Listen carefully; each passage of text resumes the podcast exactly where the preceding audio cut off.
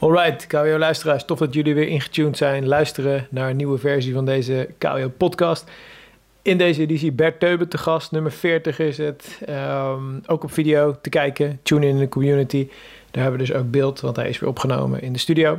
Ehm, Bert is uh, man uit het Hoge Noorden, kennen wij al jaren. Eigenaar van Carp Farm, Leeks, vroeger eigenaar samen met Koos Walters van Carp Farm. Ehm, jarenlang eigenlijk bekend gezicht in de visserij. Ook vaak natuurlijk met Koos op een KGB-stand uh, op Karpswolle geweest. Dus daar zou je hem ook ongetwijfeld wel eens uh, voorbij hebben zien komen. Uh, Bert zit bij mij op de bank en ik spreek eigenlijk met hem over ja, van alles. Zijn levensloop, ondernemerscarrière, um, tot aan de verkoop van zijn bedrijf, tot aan het openen van een eigen betaalwater, een nieuw tweede betaalwater waar hij mee bezig is. Um, ik spreek met hem over de ja, wat hij vissers fout ziet, ziet doen op zijn water. Waar volgens hem op zijn put, hè, wat dieper. Uh, vissen die de klappen van de zweep kennen, wat, wat daar de trucs zijn om, om succes te boeken. Uh, hij ziet natuurlijk een hoop, ziet heel veel vissers, uh, ziet veel vissers die het goed doen, veel vissers die het minder goed doen. Dus ja, bonk met ervaring, kennis, waar ik natuurlijk heel erg benieuwd naar ben. En daarnaast, wat ik al zei, hij heeft als, als mens, als ondernemer ook ja, echt wel zijn sporen verdiend groot catering, catering zeg ik, groot cateringbedrijf opgezet. En uh, later ook succesvol verkocht. Ja, prachtig natuurlijk, goed verhaal. Hè, mooi om van, van te leren, mooi om naar te luisteren. Doet eigenlijk op dit moment alleen nog maar wat hij leuk vindt. Ja, dat, dat, hè, dat, dat willen we allemaal natuurlijk. Heeft hij ook een prijs voor betaald hoor. Ik bedoel, die heeft jarenlang keihard dag en nacht lopen werken. Dus ja, staat voor jullie meer dan een uur klaar. heel benieuwd wat jullie ervan vinden. Heb je vragen voor Bert of, of ben je benieuwd naar zijn wateren? Volg hem. Check ook zijn water uh, te boeken bij de Carp Specialist, uh, Carp Farm Lake. En vragen voor mij, ideeën, tips, trucs, jos.karpenwereld.nl. Ik sta er altijd voor open. Voor nu veel plezier bij het luisteren van deze nieuwe podcast met Bert Teuben. Alright, kijkers, tof dat jullie weer ingetuned zijn bij een nieuwe aflevering van KWO Studio Talks. Deze keer niemand minder dan Bert Teuben op de bank. Welkom Bert. Uit Dankjewel. het hoge noorden is die afgereisd hier naartoe. Um, we zitten nog steeds in uh, COVID-tijdperk. Het is uh, eh, 12 januari als we dit opnemen. Dus ja, net de verwachting dat de lockdown weer verlengd wordt. Voordat we bij jou over jouw ondernemersverleden visserij alles eigenlijk gaan bespreken, wil ik toch eens horen van jou, Bert. Ik heb al het idee, Hoge Noorden is het hele corona-verhaal iets minder actief. Iets minder dat het alles bezighoudt.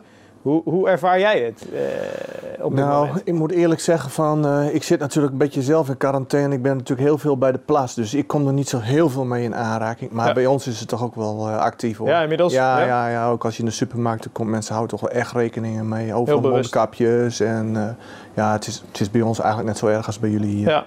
Inmiddels dat echt Alleen wij zijn ook... natuurlijk niet zo dicht bevolkt als, ja. als hier. hier heb je gewoon per vierkante meter heb je natuurlijk veel meer mensen. Ja. En bij ons is het allemaal een beetje ruimer. En we zijn denk ik ook een klein beetje relaxter. Ja. Wij zijn niet zo gestrest als de mensen in het westen. Minder druk op de ketel, ja. denk ik. Ja. Ja. En, en, merk je er zelf op dit moment? Ik bedoel, heb je er in je business last van? Nee. In de... Ik moet eerlijk zeggen dat de business juist booming is geweest de afgelopen jaar. En uh, dan, dan bedoel ik Lake. Uh, ja, we zaten gewoon helemaal vol. En dat was het eerste jaar dat ik natuurlijk echt serieus open ben gegaan. Ja. En ja. Gewoon eigenlijk niet beter. Vol. We horen het van veel meer bedrijven. Hè, dat dus eigenlijk het hele uh, corona-verhaal voor de hengelsport. Ja, gek genoeg positief uitgepakt ja, is. Hè? Fantastisch. Er zijn natuurlijk 250.000 uh, sportvisactes meer verkocht. Ja. Ja. ja, dat is natuurlijk, je ziet het overal aan de waterkant. Overal ja. zie je mensen zitten, uh, ouders met kindertjes, uh, karpenvissers heel veel ja, natuurlijk. bizar hè. Wat dat ja. betreft, uh, ja, klinkt heel gek, maar zaten we zakelijk gezien dan aan de goede kant van... De een zijn dood, is de ander zijn brood. Ja, bizar. Bizar, bizar.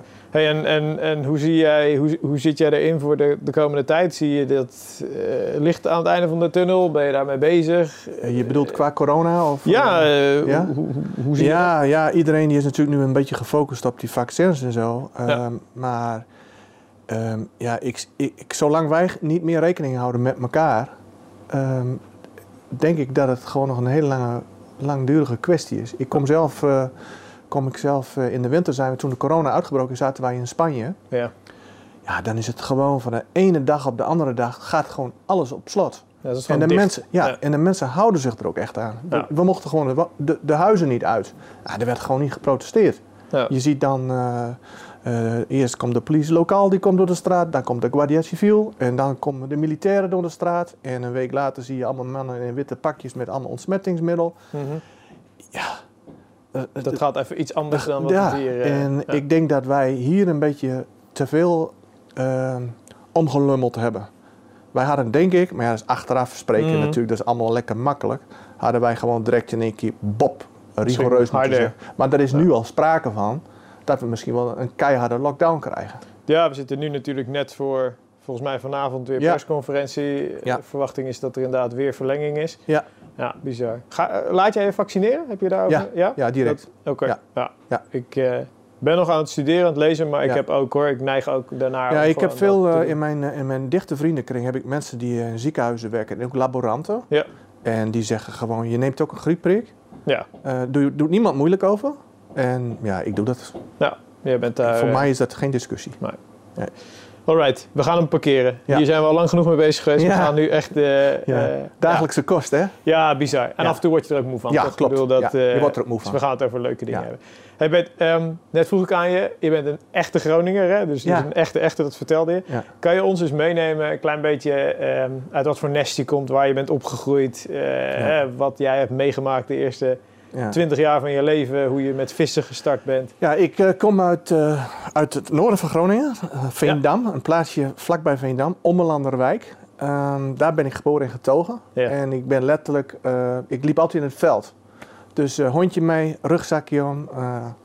Eh, of een, een stok met een zakje met een, een zakdoek erin. Daar had ik mijn broodtrommeltje in. Ja, ja. Eh, gepofte aardappeltjes in het veld ging ik dan. En dus ik was eigenlijk bezig altijd met de natuur. Want je woonde landelijk ook al. Ja, ja, ik liep, eh, mijn ouders hadden een, slagerij annex supermarktje. Ja. En, eh, toen ik klein was dacht ik dat het een hele grote supermarkt was. Maar nu ik wat ouder ben is het eigenlijk maar een klein flutwinkeltje geweest. Maar zo ben ik dus, ik ben in een ondernemersgezin ook heel vrij opgevoed. We mochten altijd alles buiten spelen. Cowboytje, indiaantje spelen, nou, noem maar, maar op. Fantastisch. Dus, dus, dus echt, eh, we gingen Ja. altijd met vrienden het veld in en eh, altijd kattenkwaad uithalen, appeltjes stelen, eh, kruisbessen stelen, nou, noem maar, maar Ja. op. Dat soort kattenkwaad. eh, ja, dus ik was eigenlijk altijd buiten. Ja. Ja. En dat, dat was voor jou dan ook al een eerste aanraking met water in die periode? ja, dus hoe? ik, ben, al- ik heb altijd al een fascinatie door water gehad. Eh, al- toen ik, wij woonden aan een, aan een kanaal met een sluis ervoor. En eh, daar kwamen altijd eh, schepen. En die schepen die, eh, die moesten proviant halen als ze in het sluis wa- waren. Dus dan gingen Ja. ze bij mijn ouders naar, naar binnen. Om, om boodschappen te doen. Ja. Dus ik was altijd al met water bezig. Zo erg zelfs dat ik met mijn kleine driewieletje een keer het water in gereden ben. Ja, En dat mijn buurman dat zag en met een groot soort scheepshaak mij eruit hebben gehaald. Dus toen was ik, oh, ja, ja, ja, ja. Want dat was echt link, zeg maar. nou, dat had ik ook ben, anders... eh, volgens mij ben ik toen eh, letterlijk dood geweest. Zo. En dat klinkt een beetje zwaar Ja, ja. allemaal. Maar ik weet nog dat ik als klein eh, jongetje met schelpjes aan het spelen was. En dat ik dat een heel prettig gevoel vond. Ja, En dat ik toen weer bijkwam. ja. allemaal water overgeven en toestanden. Dus ja, Ja, dat was wel eigenlijk- serieus. ja, dat was echt Oh. serieus. Dus ik heb eigenlijk altijd wel echt letterlijk iets met water gehad. En, en was Ja. dat dan in die periode ook al eh, hengel in je hand? Of hoe, hoe Ja, ik dat? was altijd met kleine voorretjes aan het vissen en eh, snoeken natuurlijk met levend aas. Dat mocht toen in die tijd natuurlijk. Ja. eh, dan gingen we de, de, de kanalen, het was namelijk een kanalenstelsel. Maar ik was toen nog absoluut niet met karpen bezig, wel met de zeelt. Oké, maar heel bewust op zeilvissen? Nee, want ehm, eh, hoe ging dat? Er was een, een, een kanaal en dan deden we er een oude autoband met kettingen doorheen en dan maakten we dat water troebel. Ja? En dan gingen we heen en weer met kettingen. En dan kwamen die vissen naar boven. En die zeelt kwam dan ook naar boven. En die schepte dan met schepnetten eruit. En Ah, die gooiden ja. we in ander water. Oké. Dus toen was ik al met vistransporten Ja. bezig.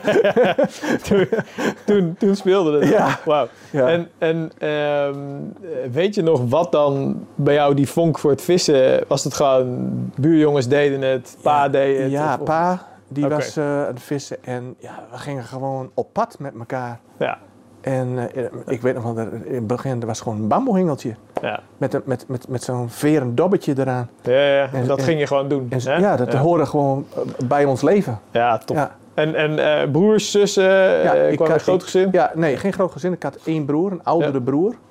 Een heel ander type dan dat ik ben. Die, dat was een onderwijzer. Oké. Dus ja, en ik ben ondernemer. En onderwijzers en ondernemers, ja, dat is... Niet altijd... Nou, eh, dat is dag en nacht verschil gewoon. Ja. Wij hadden echt, eh, qua levensopvattingen, hadden wij gewoon, eh, ja, we hadden water en vuur eigenlijk.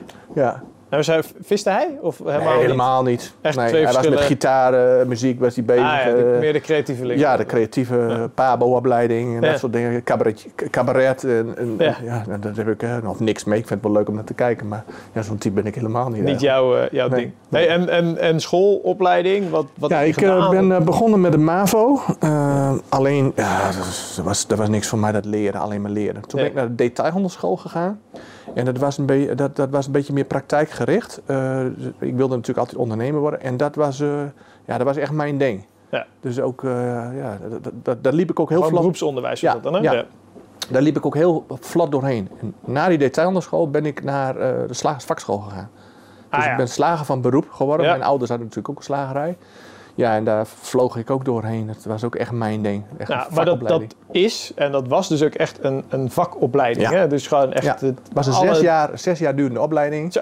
Het eerste jaar eh, heb ik vrij examen gedaan, omdat Ja. ik qua niveau al ietsje hoger was. Omdat ik heel veel praktijkervaring had. Eh toen ben ik ook mijn vlaggenwimpel geslaagd. En het laatste jaar hoefde ik ook niet te doen, omdat ik mijn middenstanddiploma al had van de detailhandelsschool. Ah, dus die mocht je skippen. Die eh zeiden dus ook, eigenlijk Ja. moest ik hem wel doen, maar dat vond ik onzin. ja, En eh, toen ben ik eh, verder gestroomd. mocht je door. Hey, Ja. en, en je vertelt natuurlijk, hè, eh, het ondernemen zat er al vroeger in. Die ambitie zat er al in. Kwam Ja. dat dan echt, werd dat met de paplepel ingegoten? Was dat... Ja, mijn vader was natuurlijk ook ondernemer. Ja. Maar die was, mijn vader was een hele harde werker. En ik ben een harde werker, maar ook eh, in combinatie met goed nadenken. De Ja. juiste mensen op de juiste plekken. En ik was al heel vroeg bezig met handel. Eh, brommetjes opkopen. We Ja. hadden een, eh, een bedrijf verderop, Mulder Motoren. Eh, daar ging ik dan in mijn vrije tijd heen te sleutelen. Ja. En in ruil daarvoor kreeg ik geen geld, maar ik mocht bijvoorbeeld een Solex meenemen. Oh ja. Nou, die was in die tijd, ik geloof, eh 5 gulden of zoiets, of 7,5 gulden. En eh, ja, die, eh, die poetste ik dan helemaal weer op. Of we, we gooiden de eter in en dan reden we dat ding helemaal aan gort. ja. Eh, eh, ja, En die, daar haalde je al handel uit. en daar haalde ik al handel uit. En toen ben ik met krijtlers begonnen en zondappen met onderdelen en zo. Dus op een gegeven moment had ik gewoon een bloeiende onderneming in de garage. Dat de mensen bij mij in de garage gewoon kwamen te sleutelen, zeg maar. Ja, en daar, daar ontstond dus eigenlijk al van, joh, ik moet mijn eigen geld verdienen. Ik moet zelf iets... Maar dat stond eigenlijk altijd bij mij al als een paal boven water dat ik gewoon ondernemer wilde worden. Ja. Dat was voor mij ja, geen, geen issue. Ik ben maar een hele korte periode eigenlijk in loondienst geweest. En, en ondernemer worden, betekende dat dan dat je eh, eigenlijk bij je ouders de zaak in rolde als het ware? Ja, ik wilde eigenlijk de zaak van mijn vader en moeder overnemen. Dat Ja. was altijd mijn ideaalbeeld. Totdat op een gegeven moment mijn vader een keer naast me zat in de auto en die begon te huilen. Ja. En zo had ik mijn vader eigenlijk nog nooit gezien. En eh, ja, hij zegt, "Je- ik weet dat je de zaak wilt overnemen. Hij zegt, maar dit is geen toekomstperspectief voor jou. Ja. Als je de zaak loopt eigenlijk Af. af. Oké. Want wij zaten natuurlijk in een klein dorpje en in Veendam, daar kwam een groot winkelcentrum Ja. en weet ik veel. Dus, dus de mensen die werden natuurlijk allemaal mobiel, ze kregen allemaal een auto. Dus ze kwamen eigenlijk alleen bij mijn vader en moeder kwamen ze de vergeetboodschapjes op, Ja. ophalen. Ja, ja. Dus er was geen perspectief. Inmiddels werkte ik altijd bij een hele grote slager in Winschoten. Dat was echt de slager van het Ah, want je was niet bij je ouders gestart al. Je Nee, was ergens nee, anders. nee. Oké. Mijn vader zei altijd van, je moet, eh, je moet het vak leren bij een ander. Ja. Want eh, ja, je ouders, die, ja, Ja, is een dat is andere. altijd moeilijk. ja. En dus ik heb het vak ook echt geleerd bij een, een hele goede slager. Echt een ambachtelijke slagerij.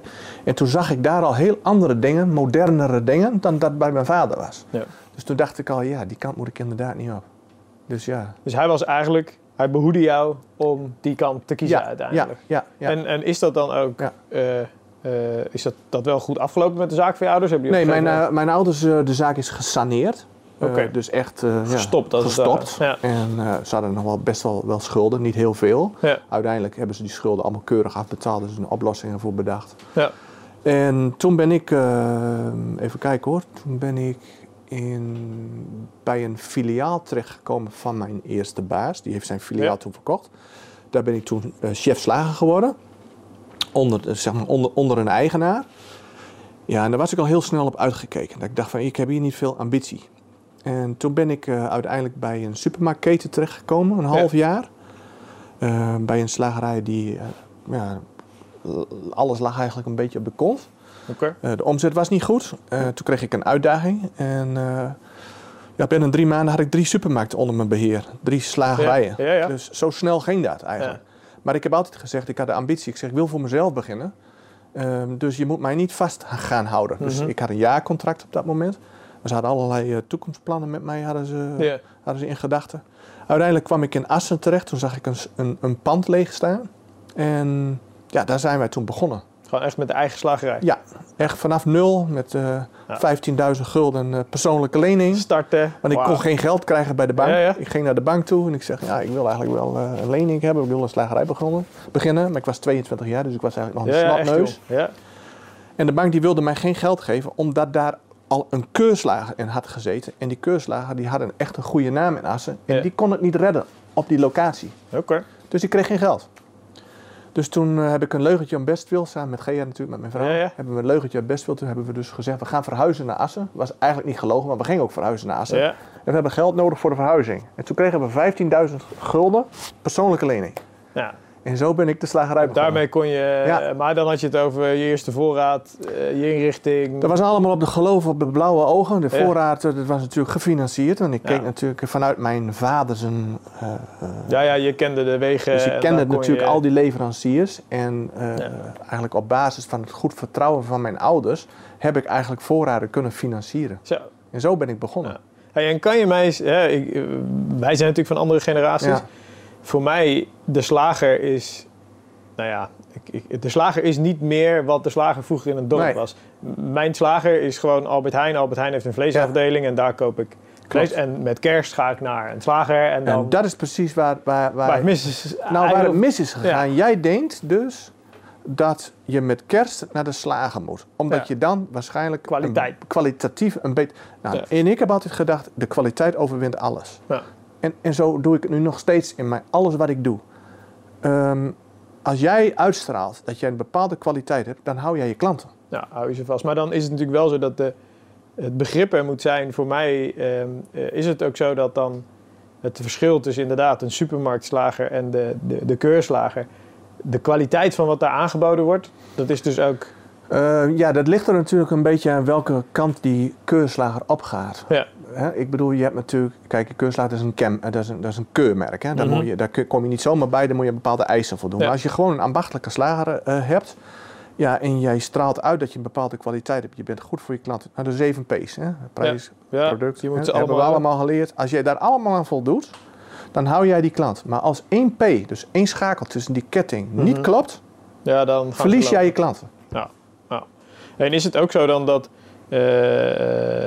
als je kijkt naar het slagersvak, hè, ehm, eh, jij zegt ik heb zes jaar die opleiding gedaan. Ja.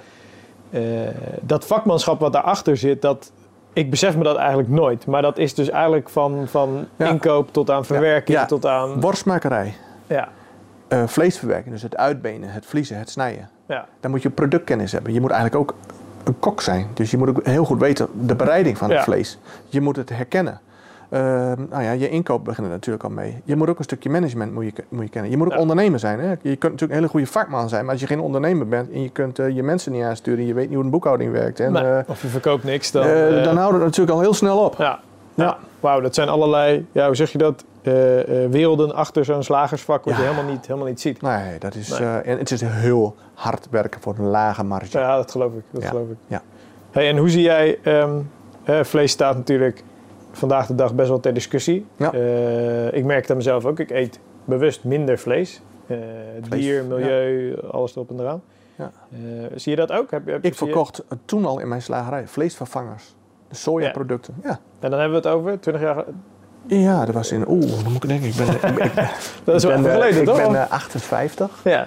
en ik was 22 toen ik begon met de zaak, ja. met de slagerij. En toen al had je dus ook alternatieven. Toen had ik al, eh, al, al vleesvervangers. Toen had ik al soja, sojaburgers, zeg maar. Ja. Hey, Ja, en, toen was ik er al mee bezig. Maar ik was ook al met traiteur bezig. Met, met catering was ik dat al zat mee ook bezig. al allemaal in Dat- de... Ja, omdat je natuurlijk... eh, kijk, die omzet, die, die, die, die, eh, je moet je altijd aanpassen naar, naar, jou, naar, je, naar de vraag en aanbod natuurlijk. Ja. En als jij niet meegaat met je, met je tijd, ja, Nou ja, dan is stilstand achteruit gaan. achteruit gegaan. Het is Ja. een hele cliché uitspraak. Ja, maar zo is het ja, natuurlijk wel. En je moet natuurlijk altijd goed gaan kijken van...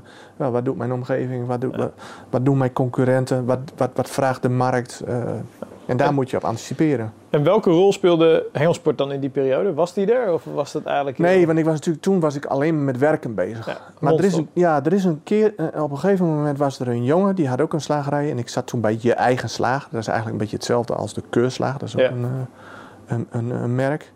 En die jongen die ging op vakantie. En die wou zijn zaak eigenlijk niet dicht doen. En die zei, Bert, zou jij misschien mijn zaak wel willen runnen voor twee weken? Ja. Ja, ik zei, ja, natuurlijk, dat wil ik wel doen. Toen ben ik, na zijn, eh, heb ik naast mijn eh, zaak, heb ik zijn zaak ook gerund. Mhm. Dan ging ik gewoon s morgens heen alles klaarmaken en de winkelmeisjes alles vertellen hoe of wat en weet Ja. ik veel. En dan was ik daar een paar uur om te sturen, en speciale dingen wat gemaakt moesten worden enzovoort enzovoort. En dat heb ik twee weken gedaan en als dank kreeg ik van hem een hengelsetje. Ja. Een karperhengelset, mocht ik uitzoeken. En toen ben ik daar verderop, toen kreeg ik een paar tips van een, eh, een, een klant van die slager uit een hele dikke graskarper staat. Toen ben ik daar gaan vissen. En toen ving ik gewoon monsterachtige graskarpers. Ja, en dat vond ik zo fascinerend. Dus ik ben eigenlijk vrij laat met mijn karpervisserij begonnen. Vroeger viste ik wel op Ja. karper.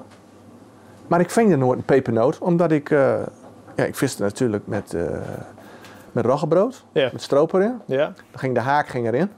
Ja, daar viel het vanaf. Dus ik, eh, dus ik kreeg wel een run. Ja. En de hengel vloog wel een keer van de steun af. en ik zaten de haak, hele eh, avond zaten we te kijken naar dat zilverfolietje, weet je wel. En af en toe ving je eens een keer iets. ja.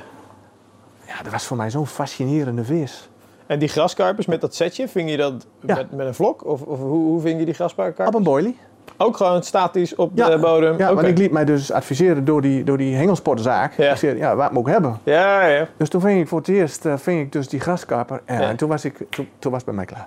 Toen ging er een, Ja, toen was het klaar. toen was het aan. Toen was het echt, eh, toen was de verslaving was zeg maar, eh, ja. Ja. ja. En toen was je een jaar of 4, 25 dan? Of Ja, ongeveer die, in eh, die tijd was dat, ja. Dat het weer... ik viste eh, natuurlijk heel veel. ja, Maar witvis, snoep, eh, alles wat maar. Maar niet gericht op karper. ja, dat En toen ben ik mij eigenlijk gaan specialiseren op karpervissen. Ja. Gaan we zo meteen nog meer Ja. eh, over Ja. Neem ons eens mee even, even in jouw ondernemersverhalen. Je vertelt al, je was met die slagerij in Assen dus bezig met ook al de, eh, de catering. Ja, eh, Nou, die, dat is wel een heel grappig verhaal. We hebben natuurlijk de TT-nacht hebben wij in. Assen. Of de TT. Ja. Want eh, hè, voor de jongens die dat Ja. niet, de kijkers die dat niet snappen, eh, TT is natuurlijk het, het, het, het motor-event. Ja, Eh, ja, er komen er ongeveer 100.000 mensen naar het TT-circuit toe. Ja. En dan is de TT-nacht, dat is de nacht van de Assenaren, en de TT-nacht, en is heel Assen is op zijn kop. Ja. Dan heb je daar... Groot feest. Ja, dan is het zuipen en vreten en dat is één groot feest. Allemaal podia's in de stad, kermis en ja, dat is gewoon, dat staat heel Assen letterlijk op zijn kop. Ja. En wij hadden de slagerij midden in het centrum. Dus op een gegeven moment, ik had een schuifpui, dus er kwamen er braadsleders en, en pannen, die kwamen natuurlijk in de schuifpui te staan. En Ja. dan gingen wij met de familie, gingen wij broodjes hamburger verkopen, broodjes beenham, eh, broodjes cowboyvlees, spare ribs. Dus Ja. alles vanuit mijn eigen slagerij verkocht ik dan. En zo ben ik eigenlijk een beetje met die catering in aanraking gekomen. Mhm. Ehm, op een gegeven moment leverde ik gehaktballen overal en het eigen slagerij natuurlijk. Ja. Gegeven moment werd ik een keer gebeld door het TT-circuit van, goh, wij willen graag gehaktballen hebben. Dus toen kwam ik daar. En toen heb ik gehaktballen daar geleverd. En eh, op een gegeven moment eh, zat ik met die manager een bakje koffie te drinken. En toen kregen ze dus over belegde broodjes. Van, ze hadden belegde broodjes en alleen de kwaliteit van het beleg en de broodjes was niet je van het. Ja. En ik had natuurlijk in mijn slagerij had ik ook loze uren dat mijn personeel niet rendeerde eigenlijk. Dat ze gewoon koffie zaten te drinken. Of Ja, dat want er, eigenlijk- niemand, er kwam niemand naar binnen. Nee. Ja. Dus toen dacht ik, hé, hey, in die loze uren kan ik natuurlijk die broodjes wel smeren. Dus toen eh, vroeg ik aan die manager van, goh, wat betaal je voor die eh, lunchpakketjes? Ja. Nou, een bepaald bedrag, dus ik calculeerde. Ik denk, wat kost een broodje? Nou, voordat ik erop voor dag was, was ik al 200.000 broodjes aan het smeren. Ja. Maar dat was dan voor het publiek wat op het circuit... Nee, dat was, was voor de baancommissarissen. Ah, Dus daar waren die, ja. de baancommissarissen die rondom het TT-circuit. Ja. Het het circuit is natuurlijk niet alleen met de TT. Maar je hebt rijvaardigheidstrainingen. Je hebt, Ja, continu bijna is de hele ja. zomer, gedurende 7, 8 maanden, heb je daar activiteit. Dus er moesten bijna elke dag lunchpakketten heen. Ja. Ja, dat paste mij natuurlijk prima. Ja. Dus in zodoende kwam ik steeds meer op het TT-circuit. Ja, en op een gegeven moment zag ik natuurlijk van, hé, hey, daar, komt zoveel, daar komen zoveel mensen. Mhm. En toen ehm, was er een, een oneenigheid met een standhouder op het TT-circuit. Je moet je je voorstellen, rondom het TT-circuit staan allemaal vreettenten. Ja. Hamburgers, benam. Dat was natuurlijk, in die tijd was het allemaal een beetje amateuristisch. Ja, dan hebben we over 80 jaren of waar hebben we het nu? Ja, zoiets. Ja. Ja. En ehm, eh, toen stond er ook iemand met beenham. met braadsleters, broodjes, Ja. te verkopen. Ja, en ik maakte natuurlijk ook al beenham in mijn slagerij. Die verkocht ik ook in mijn zaak. En toen dacht ik, ja, 1 plus 1 is 2. Ik zeg, kan ik niet die plek overnemen? Ja, zegt die manager, natuurlijk. Dus hebben we een stand gebouwd. Mhm. En zo zijn we in die catering gerold. Ja, en dat vond ik eigenlijk steeds leuker. Ja, en dat was maar dan specifiek op die TT-nacht daaromheen? Of was het nee, eigenlijk... dat was op het circuit zelf, achter de hoofdtribune. Ah, en continu als er volk op die hoofdtribune was, Ja, was je open? Elk weekend. Ja. Dus ja, daar rook ik natuurlijk aan. En dat beviel mij zo goed. En op een gegeven moment, toen heb ik mijn slagerij te koop aangeboden aan mijn chef slager. Ja. En toen ben ik mij vol op die catering gaan eh, richten. ja. Maar ook verbonden alleen aan het circuit dan? Of Ja, deed je ook... nou, in eerste instantie aan het circuit. Ja. Maar die hoofdcateraar die erop zat, die had ook het Tialf stadion. Die had het Ja. VEC Expo Center. Die had 24 locaties in heel Nederland. Ja. En al gauw was ik de vliegende equipe. Dus ik vloog over al die locaties. Ja. Dus in Pieken had ik eh, 170 man aan het werk. Want hij huurde jou in Ja. met Overal jouw team. een, En daar overal ging, waar een concert was, houseparty, ging je mee. popconcerten, Ja. Tialf, eh, de EK, WK schaatsen. Dus overal Ja. vloog ik heen, zeg maar, als een zigeuner. Om daar je- Ging ik daar de, de publiekskatering. eh, Maar je had dan eigen karren, eigen aanhangers. Met, eigen snackwagens, eigen aanhangers, vrachtwagens. eh, Ja. nou, je kunt zo gek op niet noemen. Eh, aggregaten. eh, Alles erop en aan. Stroom Hoe, groot was die organisatie dan? Wat jij op een eh, gegeven in, moment in Pieken eh, deden wij met eh, 170 man eh in de complete... Ja, eh, bizar. En de, dat- de TT-hal in Assen, dat werd een van mijn vaste locaties. Ja. En we hebben toen nog drie jaar een beurs, ge- een Ja. event hebben we daar toen nog gedaan. Ja. En eh, dat was een vaste locatie van me. En daar heb ik dus, eh, ja, maar dat was eigenlijk niet, niet echt mijn ding.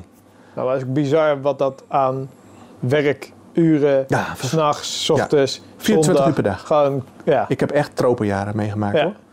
En ook eh, ja, als ik dan een eh, weekje wilde vissen, dan, eh, ja, dan nam ik gewoon vrij. Ja. En dan ging ik echt gewoon een week vissen en dan was ik gewoon helemaal weg, telefoon uit. En dan, ja, maar dat kon ook dan even... Ja, omdat je organisatie dan zo groot is, Ja. dat je eigenlijk zelf, je bent weliswaar eh, de baas van het hele spul, maar eigenlijk ben je overbodig. Ja, want je had ook een goed managementteam, om het zo maar te zeggen, die Ja. dat... eh, Ja.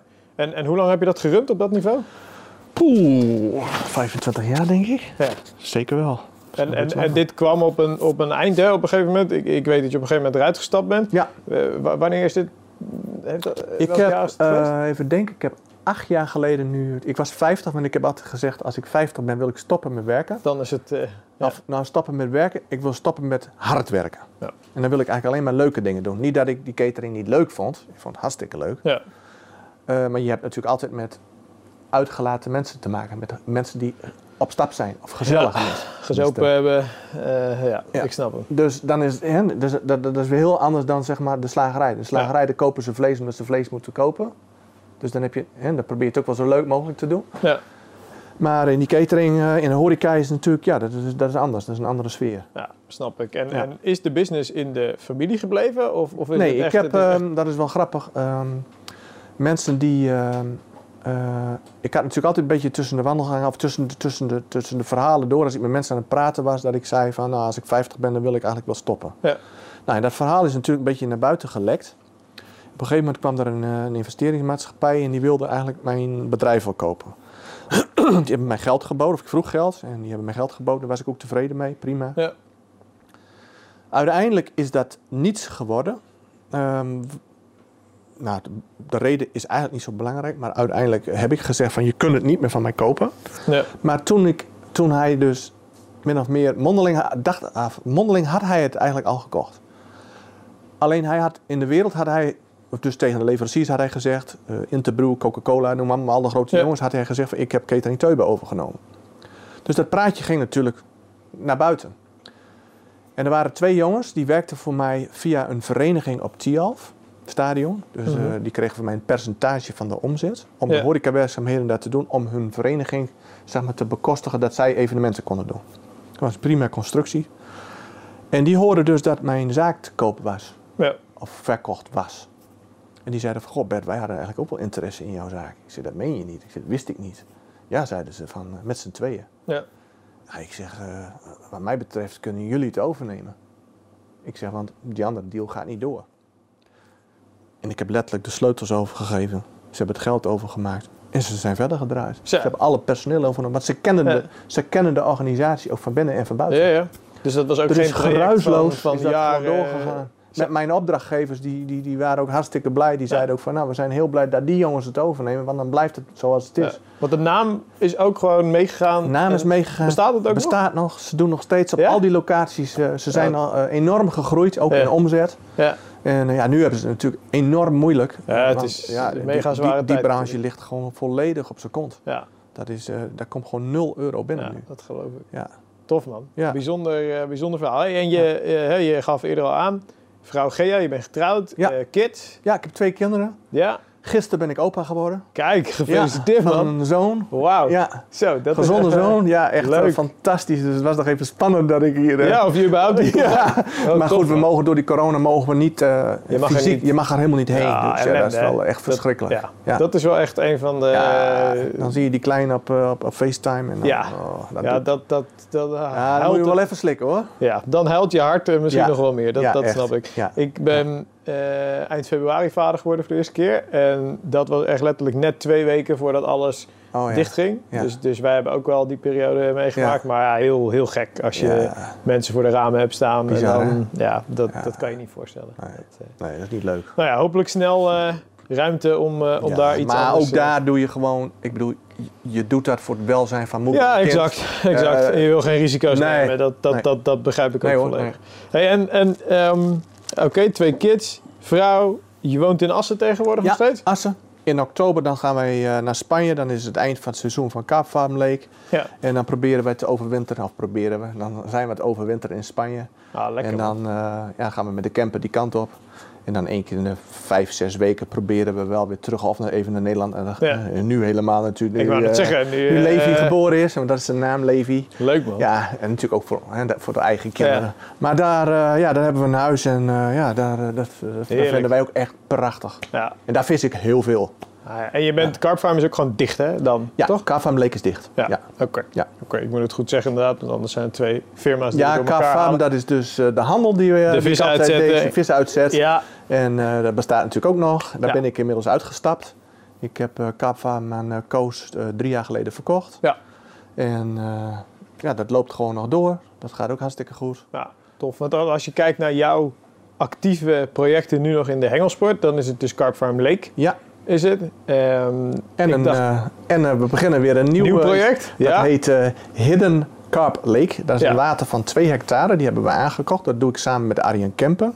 Nou ja, Ehm, en dat water hebben we aangekocht. Daar gaan we twee chalets, CQ huisjes opzetten. Dat is een 2 hectare water. Dat is wel een heel andere type visserij dan Kaapfarm Lake natuurlijk. Kaapfarm Lake is dikke visservisserij. ja.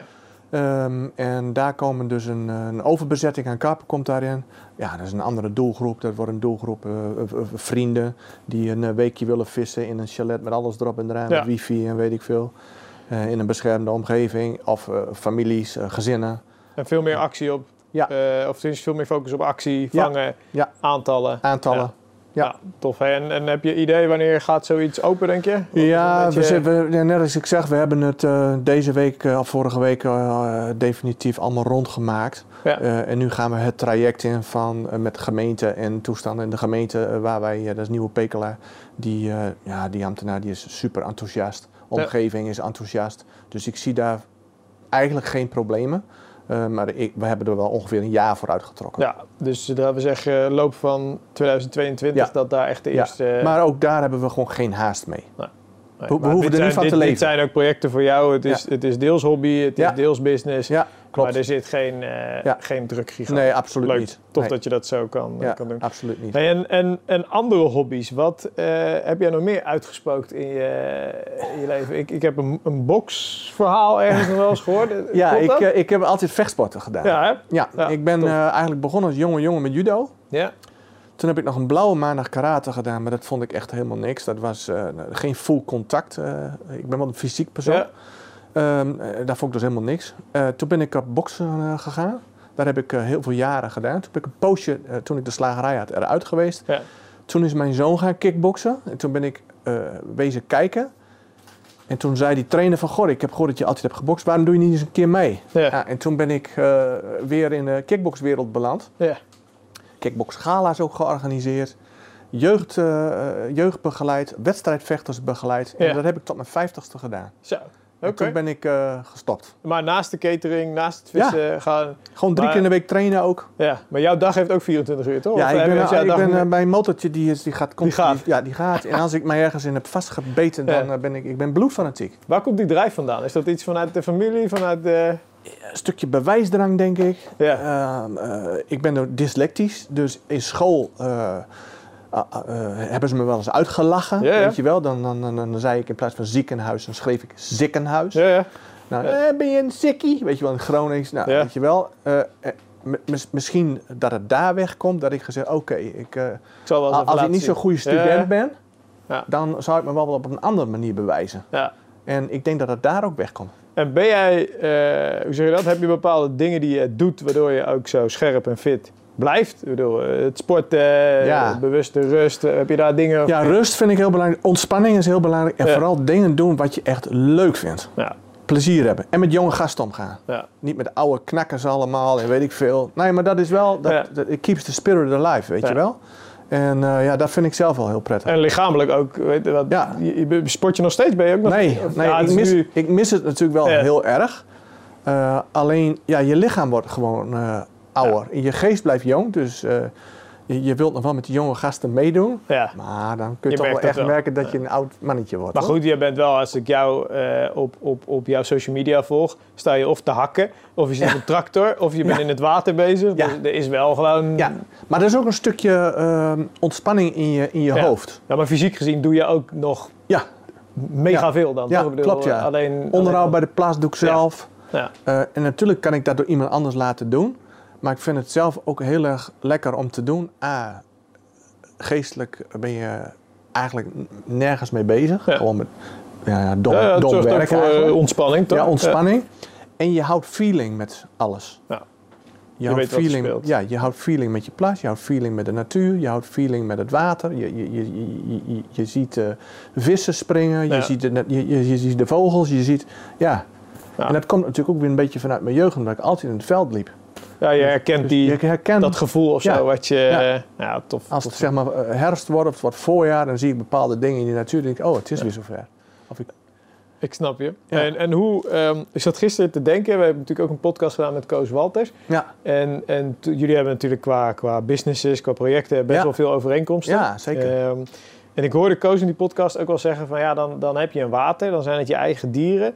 En dan vervolgens gaan de andere vissen. Heb je daar niet moeite mee gehad? Dat je, dat je toch dan... eh, Ehm, jou- In het begin wel. Ja. Wij hebben natuurlijk negen jaar... Nee, ik zeg het verkeerd. Eh, even kijken. Ik heb die plaats nu 13 jaar. Ja, een jaartje of... Ja, want je had het water al gewoon in Als- eigen beheer. Ja, ja, al. ja. Ik, vroeg, ik viste daar vroeger altijd. Ja. En eh, eerst ook wel een beetje stiekem, zeg maar. En ik mocht de sleutel wel ophalen, maar die moest ik dan s'avonds weer inleveren. Ja. Ja. nou ja, wij zijn natuurlijk ook uh, karpenvissers, wilden s'nachts ook vissen. En de eigenaar die wist natuurlijk ook wel dat ik daar viste. Dus hij zei altijd, ja Bert, ik weet dat je daar vist. Maar Ja. toen zei ik, Henk, ach. Nou ja, dus toen uiteindelijk heb ik die plas gekocht en toen heb ik een syndicaatwater van gemaakt. En ja, dat vond ik eigenlijk wel heel prettig. En op een gegeven moment ben ik natuurlijk commercieel gegaan. En toen kreeg ik natuurlijk uh, vissers. En soms zag, zag, ik dingen. Kijk, en vergeet natuurlijk niet, Koos woont er niet bij. Hè? Mm-hmm. Ik ben daar bijna altijd bij. Ja. Dus ik zie dingen gebeuren. Dus ik kan ook heel snel anticiperen op dingen. Ja. Dus en soms gaat het een beetje met de botte bijl. Als mensen echt dingen doen waarvan ik denk van... hé, hey, dat kan echt niet. Nee. En eigenlijk weten ze het wel. Sommige mensen doen het bewust. Maar zijn ook mensen bij die, die, die, die Nee, doen dat niet bewust. Niet. Ja, die, Daar heb ik ja. totaal geen moeite mee. Kijk, Ja. eh, waar gewerkt wordt, worden fouten gemaakt. En eh, als iemand dat onbewust doet, dan, zal ik nooit, dan zul je nooit van mij horen die ik, eh, dat ik boos word. Maar als mensen het wel bewust doen en die bedonderen mij, ja, dan heb je mij een hele fouten. Ja. Dan, en, en daar heb ik moeite mee. Met dat soort type mensen, zeg maar. Omdat je die als gasten toch krijgt. Ja, ze, ze komen eigenlijk als gast op jouw domein. Ja. Maar dan vind ik, kijk, als ik bij jou, bij jou kom, Jos, en jij zegt, Bert, ik wil graag dat je bij de voordeur je, mijn schoenen uitdoet. Ja. Dan zeg je dat één keer tegen mij. En de rest van de keren dat ik bij jou kom, doe ik, zal ik altijd mijn schoenen Ja. uitdoen. Dat is ook een stukje respect naar jou toe. Ja, eh, maar, maar goed, eh, ja, dat is lastig dan. het is heel Dat simpel. als iemand dat bij mij doet en die heeft geen respect voor mij en mijn vis en mijn water. Ja. En hoe ik mijn business run, heel gauw opzouten. Ja. Wegwezen en nooit weer komen. Ja. Zo simpel is het. En, en, en is dat dan iets wat, natuurlijk het gebeurt af en toe, hè? eh, maar je hebt inmiddels wel dat je dus ook heel veel voldoening haalt uit dat mensen daar een fijne week hebben. Ja. Een record vangen. Ja, voor kijk, ik ben echt een mensenmens. ja. En ehm, in het begin probeer ik er, uh, de mensen komen bij mij op de plaats. Ik probeer altijd een hele gezellige sfeer te krijgen. Dat vind ik heel Mm. belangrijk. Lekker een bakje koffie en allemaal wel even in de mancave zitten. Even kletsen over wat Ja. er die week van tevoren gebeurd is. Nou, dan heb je natuurlijk eh, eh, twee eh, typen vissers. Eén die, die, die, die, die luistert heel goed. Die doet precies wat, jij, wat voor tips jij geeft. Ja. Maar je hebt ook vissers die gewoon zeggen... Hé, hey, ik vis al... Ik weet het wel. ik, Ja, ik ben de beste visser van de wereld en ik weet het allemaal wel. Nou, die, die vissers, de- en dat is voor mij de uitdaging, om die vissers zo ver te krijgen Ja. dat ze A, vis vangen, maar ik heb natuurlijk niet een heel makkelijk water. Nee. Maar, eh, om ze zo ver te krijgen dat ze A, vis vangen, Ja. dat ze met een topgevoel naar huis gaan. En dat is voor mij de uitdaging eh, als ik rond die plas loop, zeg Ja, maar. want je ontvangt ze ook zelf. Ja. Ehm, Eigenlijk dat hele traject. Ja, niet altijd hoor. Ik heb eh, Jacques en Dennis, Jacques Kruller en Dennis Huft. Ja. Dat zijn de vervangers als ik er zelf niet ben. Die ontvangen de gasten Ja. begeleiden. Ja. Leuk, leuk, Ja. leuk.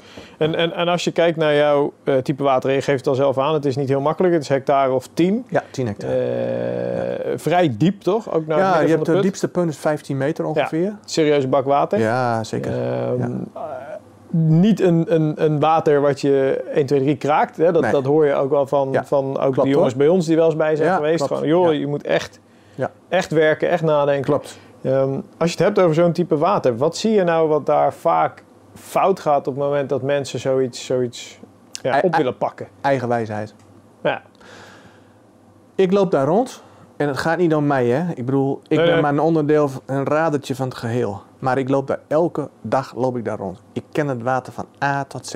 ja. Wat bij mij het allerbelangrijkste is, dat de mensen die komen vis vangen. Hm, ja natuurlijk. Want je wil dat ze tevreden naar huis gaan, lol hebben gehad, vis hebben gevangen. Snap ik. Dus ik begin altijd al, ga daar vissen, doe het op die manier. Pak Ja. dat eh, onderlijntje, eh, voer op die manier. Zorg dat je lijntje slaapt. En nou, et cetera, Ja. et cetera. Al die tips en tricks die je dus op een betaal... Soms eh, voeren ze een plek aan, niet bevissen. Eh, soms eh, is het misschien beter om gewoon de eerste dag helemaal niet te vissen. Nee, Zorg dat je eruit rust houden. op bestek. Ja. Nou, al die clichés, zeg maar, eh, is gewoon super, super, super, super belangrijk. Ja. Maar je ziet dus dat vissers die eigenlijk eh, eh, starten op de manier waarop ze hun normale visserij beleven of zo, Ja. daar gaat het va- Daar vaak gaat het vaak fout. Dat ze zeggen eh, dat, dat ze op een ander water, zeg maar. Eh, kijk, je hebt twee typen betaalwatervissen, of vissers eigenlijk. Je hebt openbaar en je hebt betaalwatervissen. De jongens die op een, of regelmatig op een betaalwater vissen van categorie 5, hè, Ja. moeilijk, Ja. eh, die kennen de klappen van de zweep. Dus die weten heus wel van, oké, ik moet goed naar die watereigenaar of bailiff luisteren. ja, want hij weet wat er speelt. Natuurlijk doen ze allemaal hun eigen ding. Dat moet Ja, ook, hè? ja. Ik bedoel, eh, dat, dat hoort bij je eigen visserij. Dat is ook prima. Ehm, ik, moet goed, ik moet goed kijken wat is er de week gebeurd. Dus je moet je huis weten. Het is ook, het is ook een stukje strategie. Mhm. En dan kun je prima vis vangen bij mij. Ja. Echt. En waar, waar zitten hem dan die nuances in bij jou, zeg maar? Dus wat zie jij wat bij jou succes oplevert? Als je het hebt over, ja, je hebt natuurlijk verschillende jaargetijden, snap ik allemaal. Ehm, eh, pak zo meteen het voorjaar. We gaan zo meteen het voorjaar in. Ik Ja. denk ook dat dat de tijd is dat deze video gepubliceerd gaat worden.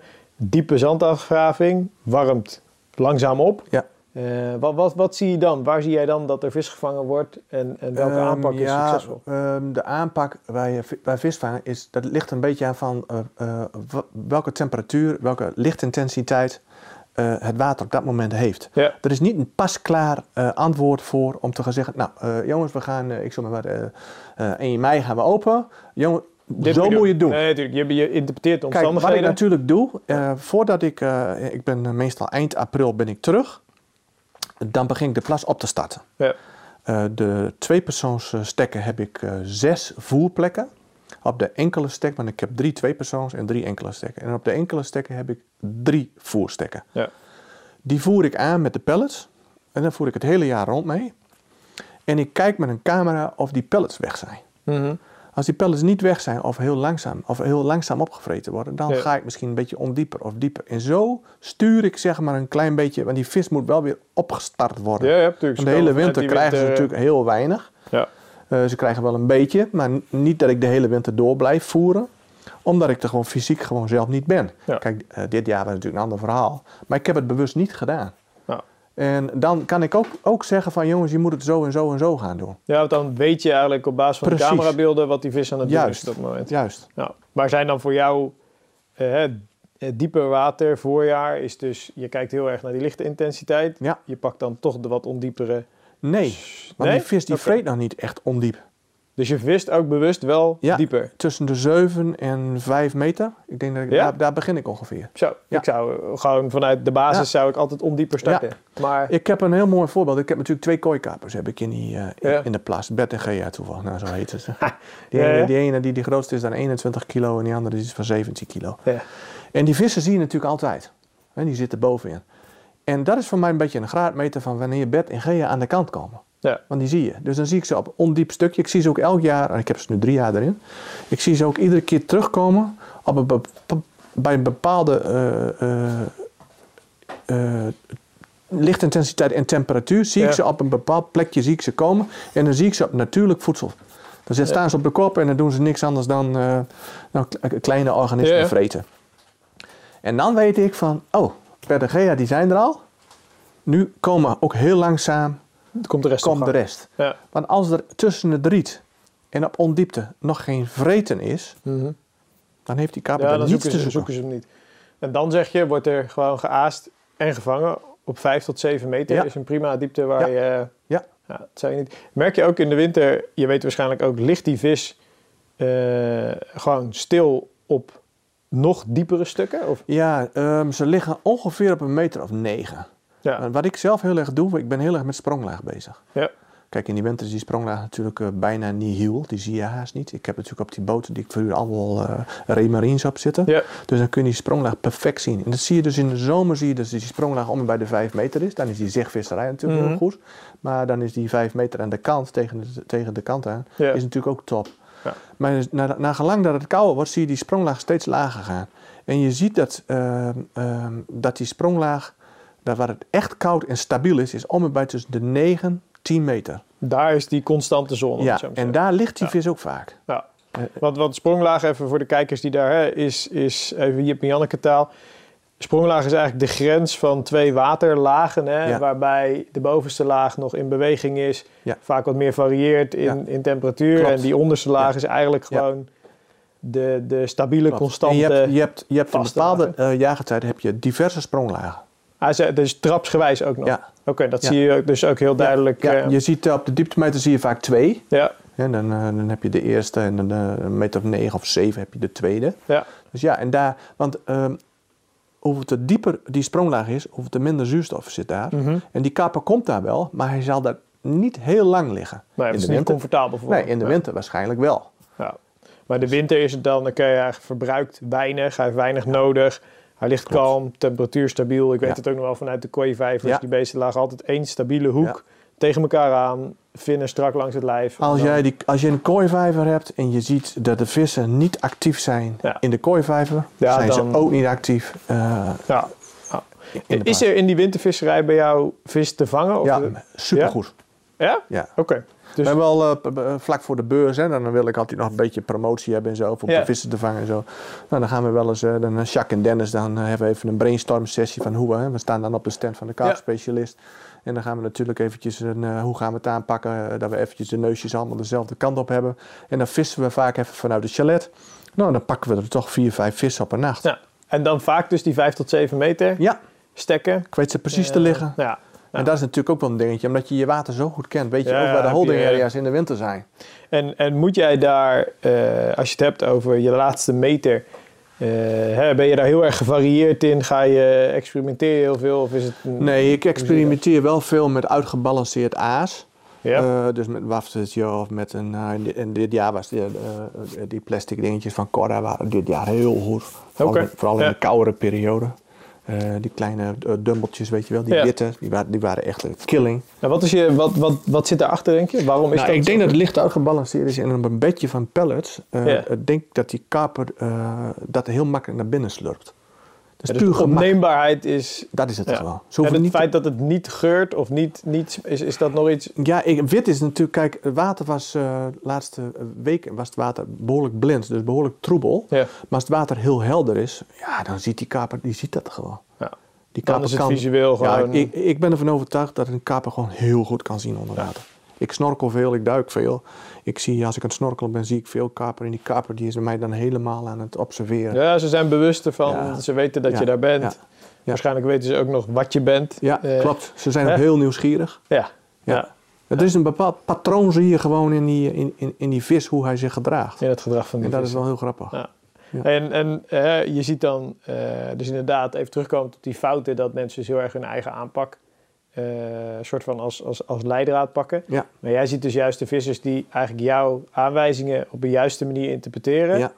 Dat dat meestal de Ja. succesvolle recessies Klopt. zijn voor die gasten. Want dat zie je ook vaak. De mensen die in het begin, een begin nou, eigenwijs klinkt een beetje Ja. eh, zwaar. Zo maar hun bedoel ik eigen het plan helemaal trekken. Ja. Zo bedoel ik het absoluut niet. Die eh, bijvoorbeeld, eh, ze komen dan zaterdags komen ze op de plas en dan is het zaterdag opbouwen, Ja. zondag, maandag, dinsdag. Nou, dan, dan, dan, dan, begint het natuurlijk al te jeuken dat ze geen aanbeten hebben gehad. En dan geef ik ze wat tips en dan beginnen ze in één keer te vangen. Ja. Ja, en da- dat is een beetje de cyclus van dat type visser. Ja. Kijk, ik heb ook jongens erbij die het gewoon direct in één keer doen. Die doen, die doen het eigenlijk precies zoals het hoort. En die gaan gewoon met 20 vissen in een week naar huis. Ja. Die zijn er ook. En, en ja, En daarnaast heb je natuurlijk ook gewoon taaie weken waarin... Hè, bedoel, daar kan dat- ik ook geen pepernoot Daar, van. nee, daar, eh, en, en dan is alle theorie Dan kun je er een weer, gouden eh, knikker aan hangen, zeg ik altijd. Ja, maar dan, dan, eh, wordt er nog steeds niks. ja, eh, en dan niks zeg ik altijd, jongens, ga lekker relaxen. Ja. Steek de barbecue aan. Geniet Eh, ervan, geniet ervan. vakantie. Ja. Ja. Hey, en, en net geef je al aan, hè, ehm, toen we het hadden over die, die spronglaag, ehm, dat je dus met zichtvissen ook, ja, ik, ik begreep, ik vroeg Michiel en Mark van, joh, vraag is, eh, of dus ik heb best zitten, hè, wat, wat, wat vinden jullie interessant? Ja, oké, dat zichtvissen. Maar dat is dus iets wat jij ook heel actief Ja, zelf doet. ja klopt. Eh, en wat dus Ja. ook jouw put ook, ook Ja. echt verschil kan maken, toch? Begrijp ik Ja, nou kijk, je moet, je, eh, die put van mij wordt natuurlijk eh, behoorlijk zwaar bevist. Dus wat doet, die, wat doet die vis? Als de mensen veel lawaai maken, ze slaan met deuren en ze zijn echt actief op de stekken. Wat doet die vis? Gaat standaard een beetje naar het midden. Die gaat op half water een beetje liggen. Dus dat is de veilige zone. Nou, hoe kun je die veilige zone kun je bevissen? Dat is natuurlijk fantastisch met een zicht. Ja. Nou, ook, dat is, eh, eh, ook, ook daar heb je een stuk dressuur. Een negatieve conditionering. Mhm. Ja. Dressuur. Ja. Ehm, alleen dan is het weer zo van, hoe zijn mijn montages? Hoe scherp zijn mijn montages? Wat voor haakjes gebruik Ja. ik? Eh, wat voor kleur gebruik ik? Hoe, wat voor drijver gebruik ik? Wat is de weerstand van die drijver? Hoe breng ik het weg? Maar dat zijn- is een type visserij die, die ik bedoel, daar ben jij ook, daar moet je ook in groeien, toch? Dat Ja, is klopt. iets wat, wat, wat- De eerste keer dat ik met een zichtvissen in aanraking kwam... Ik, vroeger heb ik al wel op, op, op, eh, op een plas eh, eh, gezichtvist. Ja. Alleen dat was een lange pop-up. In die tijd was het natuurlijk geen zichtvisserij. En dan ving ik wel mijn vissen. Dan zag ik eh, vissen eh, eh, een metertje of twee metertjes boven, boven, eh, boven de bodem zwemmen. Heel helder water. En dacht ik, hé, hoe kan ik die vissen bereiken? Nou, Ja. lange pop-up. Ja, ja. Vingen we wel eens een keer een, eh, een kaper. Nou, dat was, dat was eigenlijk al zichtvissen. Maar nu hebben we natuurlijk een verstelbare adjustable zicht. En wordt het allemaal een stuk makkelijker. Ehm, eh, de eerste keer dat ik aan zichtvissen was, ving ik wel een kaper. Maar ik kreeg ook vaak piep piep. ja Piep. gekke aanweten. Domme Ja. dacht ik, ik mis gewoon vis. Wat doe ik fout? Kijken op YouTube, filmpjes bekijken. Maar ik kwam er niet echt achter. Dus toen heb ik alles meegenomen. Ik ben naar de tacklebox in Bijlen gereden. Ik zei, jongens, hier zijn mijn onderlijnen. Martin kwam erbij, Martin Post, de eigenaar van de tacklebox. Hij zegt, Bert, begon wat te lachen. Hij zegt, ander haakje, klein lijnenlijnertje erop, Ja. that's it. Weer gedaan. En verdomd, ik begon gewoon, weer vis te vangen. want waar zat het hem in dan? In de inhaking? In de, Ja, de, puur de stand van de haak en de type haak. Oké, want wat deed je eerst en, en wat ben je gaan doen? Ja, eh, ik viste iets te lomp. Ik Ja. had eh, eh, het, het, het foompje of het pop-upje waar je mee vist, had ik iets te ver van de haakbocht af. Het moet precies op een bepaalde manier moet die haak staan. Ja. En eh, een klein lijnenlijnertje had ik er niet aan. Mhm. Dus de, de hoek van de haak was gewoon niet goed. Oké. En ehm, op een gegeven moment kwam ik, kwamen de jongens, en dat is natuurlijk ook het voordeel als je een commercieel betaalbaar hebt. Je krijgt natuurlijk ook allerlei vissers waar je zelf ook weer heel veel van leert. Ja, ja. En ik, ik, ik absorbeer heel graag. Ik, ik, ik weet ook niet, lang niet alles. Nee, nee, nee, je staat open voor ja, nieuwe... gra- graag zelfs. Nou. Dus toen kreeg ik jongens eh, op, eh, op stek 1 te zitten en die visten met eh onderlijnmateriaal van Ernesto. Ja. Van de kaapwisper. Nou, of niet met onderlijn, met haakjes. Een black claw haak. Nou, dus ik dacht, verdomme, dat is wel een heel mooi haakje zeg. Mhm. Ik zeg tegen die jongens, zou je wat voor mij willen proberen? Ik zeg, een onderlijn van mij Ja. en, on, en één onderlijn met die haak van jullie.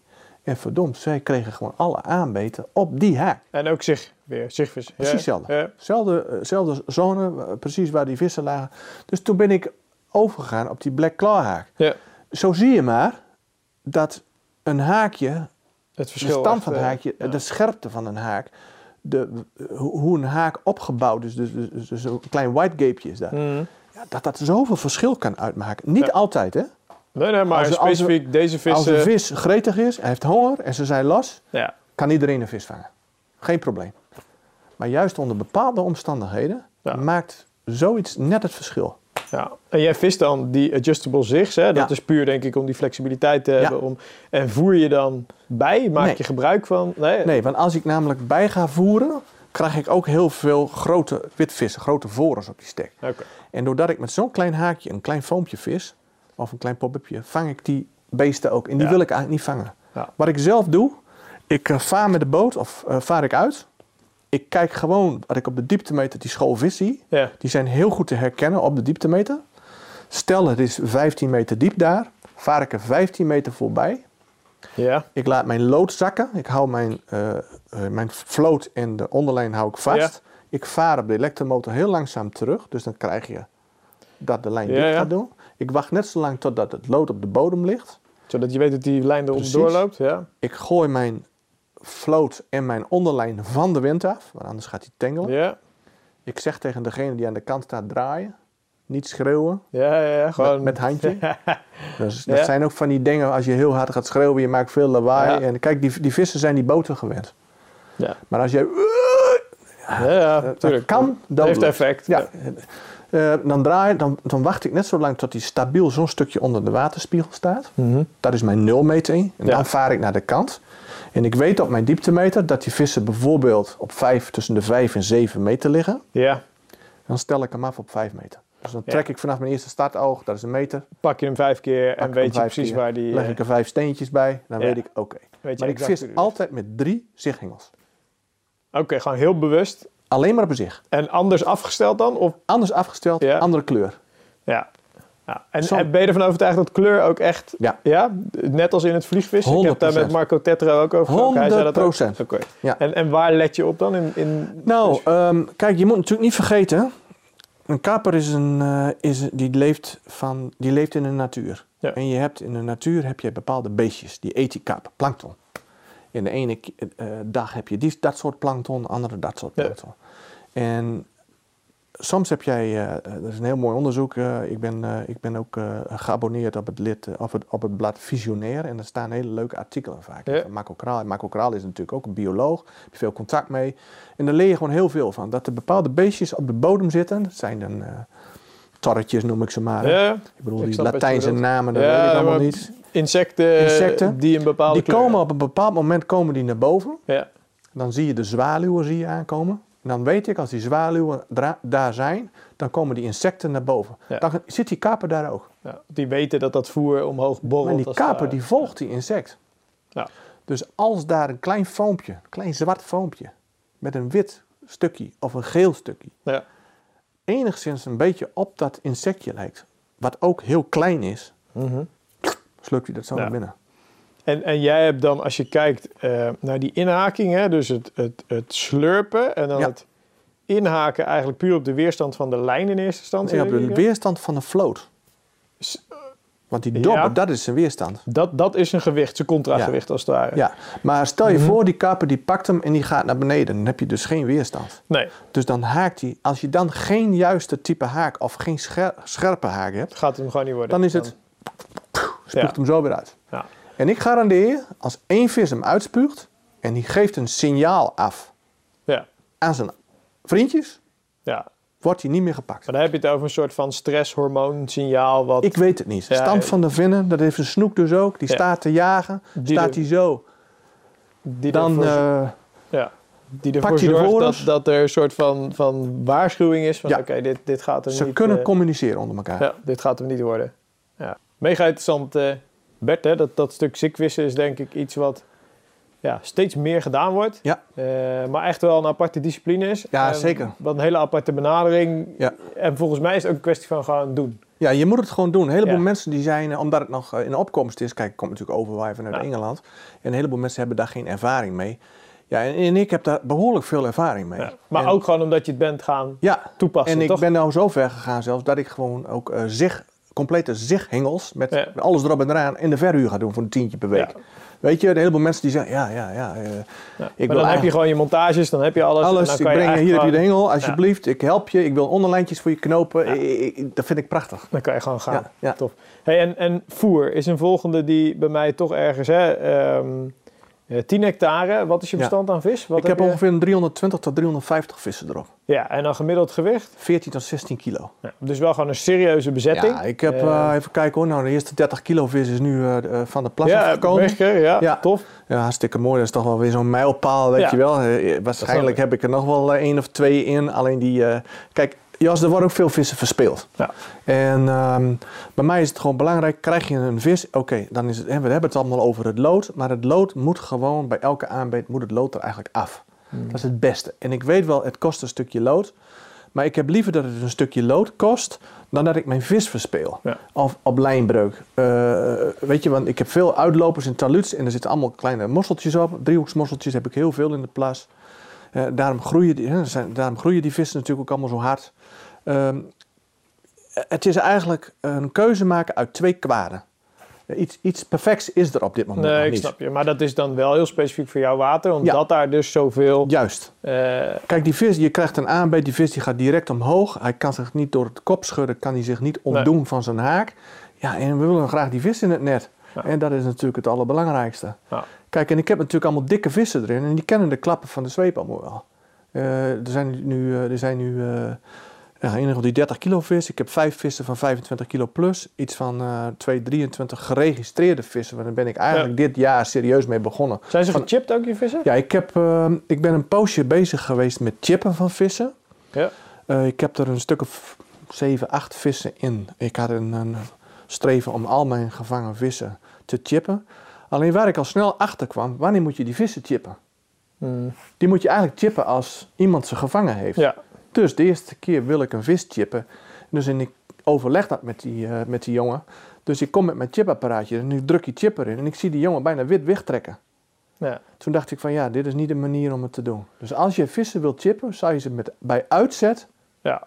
Al moeten chippen. Ja, want afvangen op zo'n put heeft, is niet te doen. Kan niet, Dat wil niet. dat is te diep voor, Ja. te veel hellingen en taluts en dat is gewoon niet te doen. Maar goed, je wil dan, hè, je zegt oké, je zou eigenlijk lood moeten lossen. Ja. Eh, eh, dan heb je het nadelige effect dat je lood achterlaat in die plas. Dat wil je ook niet. Ja.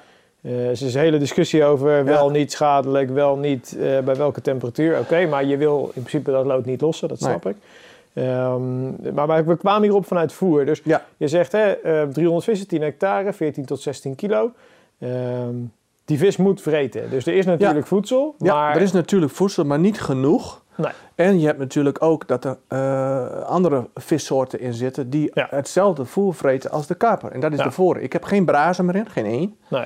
Eh, maar wel vorens. En die vorens zijn net eh kannibalen, zeg Ja, maar. die vreten ko- ook alles. Die, die komen eraan. Dus als jij te weinig voert, onder bepaalde omstandigheden. Ik zeg Ja, ja. niet, kijk, als het water te koud is, dan moet je je voerstrategie aanpassen. Logisch. Maar als die vis bijvoorbeeld in, de- in de zomer volop vreten zit en je gooit er te weinig voer in, dan vreet die voren, die komt op je stek, die Ja. vreet er voer op. Want die is gewoon de sneller, toch? die is veel de sneller. Ja. en, en meer in, getalen aanwezig. Ja. Er zitten misschien wel een paar miljoen vorens in.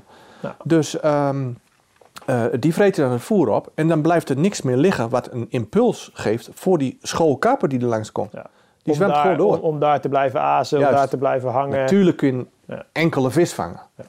Ik bedoel dat je, dat, je een, dat je een aanbeet krijgt eh, en dan vang je een mooie vis. Oké, maar je wilt ook graag daarop Ja, je wil aantallen maken, Ja, je wil, je je wil een paar vissen meer vangen. Ja. Ja. En, en als je het dan hebt hè, over. eh, Koos vertelde mij in zijn podcast, ehm, en dat vond ik echt interessant. Die dumpte gewoon ook letterlijk af en toe. Dus Ja. gewoon emmer omdraaien, bam, één plek. Ik doe En precies hetzelfde. Ja, Kijk, vergeet natuurlijk niet dat Koos en ik hebben beide een identieke plas. Ja. De vissen van dezelfde kweker. Hè, van onze eigen kweker. ja, Dus qua bezetting bijna identiek. Dus ik voer met dezelfde pellets. Ja. Dus Ze hebben dat gewoon nodig. En is het zo met die pellet, hè? Want je geeft natuurlijk aan dat die vorens uh, vaak veel wegvreten. Ja. Uh, bij pellets denk ik ook meteen witvis. Uh, nou, weet je wat die pellet doet? Die pellet die wordt zacht. Ja. En die pellet die gaat op de bodem liggen en die wordt zacht. En dan pakt die voren dat niet meer. Oké, die, die zijn geen bodemazers. Precies. Ah, Dus als ze naar beneden dwarrelen, ja, dan verlies je wel wat. dan verlies je wat. Dus als je met heel attractief voer, hè, gecrunched spul en weet Ja. ik veel, dus eh, dan, dan, dan krijg je natuurlijk een enorme voedselconcurrentie, eh voedselnijd krijg je Ja. op die stek. Eh, en dat zie je dus ook zodra je dus zo'n wolk erin gooit, dan zie je al die vorens in één keer naar beneden duiken. Mhm. Ehm, maar die pellets die blijven op de bodem liggen, die pellets die worden zacht. En die kaper die komt eraan en die zuigt, net als een stofzuiger, zuigt hij zeg maar die pellets van de bodem. Ja, Dus hij hoeft eigenlijk maar heel weinig moeite te doen. Hij hoeft eigenlijk niet te kauwen. En vandaar ook die, als je dus een, een heel mooi uitgebalanceerd aasje daar hebt liggen, dan Ja. zuigt dat zo naar binnen. Hij spuugt het uit, want hij voelt, een beetje, hij voelt dat het niet in de haak is, letterlijk. ja. En als je dan je montage goed hebt en het draait allemaal goed, ja, Dan dan, hang je. pop, dan Ja. hang je. Dan is het Ah. snuffelen en is hangen. En, en pak je bewust die pellet om bij te voeren? Waarom zou je dan niet met een bol voeren? Waarom... Nou, die pellet die is natuurlijk speciaal ontwikkeld voor het welzijn van die kaper. Ja, Ik ben dicht bij die ontwikkeling geweest. Ehm, je krijgt een dikkere slijmlaag eh, eh, van, van de Ja. vis. Dus, dus de weerstand van die vis wordt hoger. Het stukje darm aan het eind, eh, dus de, de, de vlokken die in die darm zitten. Er is ook eh, door onderzoek is dat eh, allemaal eh, naar boven gekomen. Is een keer zo lang. Dus hij haalt veel meer uit die, eh, uit die pellet. Ja. Ja, het is gewoon veel beter voor die vis. ja. En, en als Ze je zijn dan... sterker, ze zijn gezonder. Ze hebben geen lichtplekjes meer. Je ziet geen Nee, je, je, ziet het gewoon je ziet geen wondjes meer. Ja, ja, die vissen zien er gewoon Power. top uit. Ja. En Ja. ook zelfs af en toe een plekje in een bek. Ja, Eh, nou ja, daar hebben natuurlijk die carpcare voor Ja. en zo en, en, en dat soort dingen allemaal. Dus ja, we zijn natuurlijk echt wel met onze babytjes bezig. bezig. Ja, logisch. Hey, en en, en ehm, eh, wat mij nog, nog in mijn hoofd zit is de hoeveelheid voer. Eh, hè, we hebben het over een emmer omkieperen. In de juiste omstandigheden durf jij dus Ik gooi soms, emmer... wat? Ik gooi wel eens een hele zak erin. Ja, Gewoon dus 20 dat kilo. is 20 kilo. Ik snij gewoon een zak open en dan Ja, gewoon over een uitloper. ja. En je Ja. weet gewoon, het is weg. Volgende Het is ochtend echt, is het het is gewoon... weg. Ze Ik heb al gewoon. jong, kijk, ik heb natuurlijk onderwatercamera's. Nou, dan zeggen ze wel, Bert, er zit geen vis in mijn sector. Dan zeg ik, nee, denk je van niet? Nee, nou, dan gaan we even discussiëren natuurlijk. Want Ja. ze, ze, ze, ze denken van, ah, die watereigenaar, hè? Het zal wel. Het zal wel, ja. Die, eh, die zit er alleen maar om zijn portemonnee te spekken. Ja. Hè? Maar dat is natuurlijk gedeeltelijk waar. En, ehm, dus dan zeg ik, kom, we gaan in de boot. Dus dan stap ik met die gasten in de boot en neem mijn onderwatercamera mee. Dan laat ik hem gewoon op een stekzak. Ik zeg, nou, kijk maar, wat ligt er dan nog? Is Weg, gewoon schoon. alles weg. Ja. Dan is het precies rondom hun haakaas, is alles weggevreten. Dan vraag ik aan hun, heb jij eh, piepen op je hengelschaaf? Ja. Ja, ja, ja. Vertel me eens wat voor piepen. Ja, een paar keer van... heb je gewoon vis gemist? Ja. Nee, ik je hebt echt een vis gemist. Ja, want hij wordt opgepakt. Ja, kijk, als je, een, als je, een, lijnzwemmer hebt, heleboel zeggen ze van, ah, dat is een voren geweest. Of dat is een lijnzwemmer. Ja, een lijnzwemmer, lijnzwemmer is dit, dit, dit, dit, dit, dit, dit, dit. Ja, ja, want hij zakt gewoon terug. Ja. Zelfde stand. Als je dit krijgt, dan is gewoon het lood verplaatst. Mhm. Simpel zat. Dan mis je een vis. Ja. En wat is dat dan? Is dat haakkeuze? Is dat... dat kan haakkeuze zijn, dat kan het lood zijn, gewicht van het lood. Ja. Ik bedoel, niet eh, genoeg contragewicht Niet dan? genoeg contragewicht, dat is vaak wel een dingetje. Type lood, Geef je, eh, geef, je, geef je hem te veel ruimte. Dat kan Ja. wattenlood zijn. Ik vis dan liefst met inline load. Inline drop-off.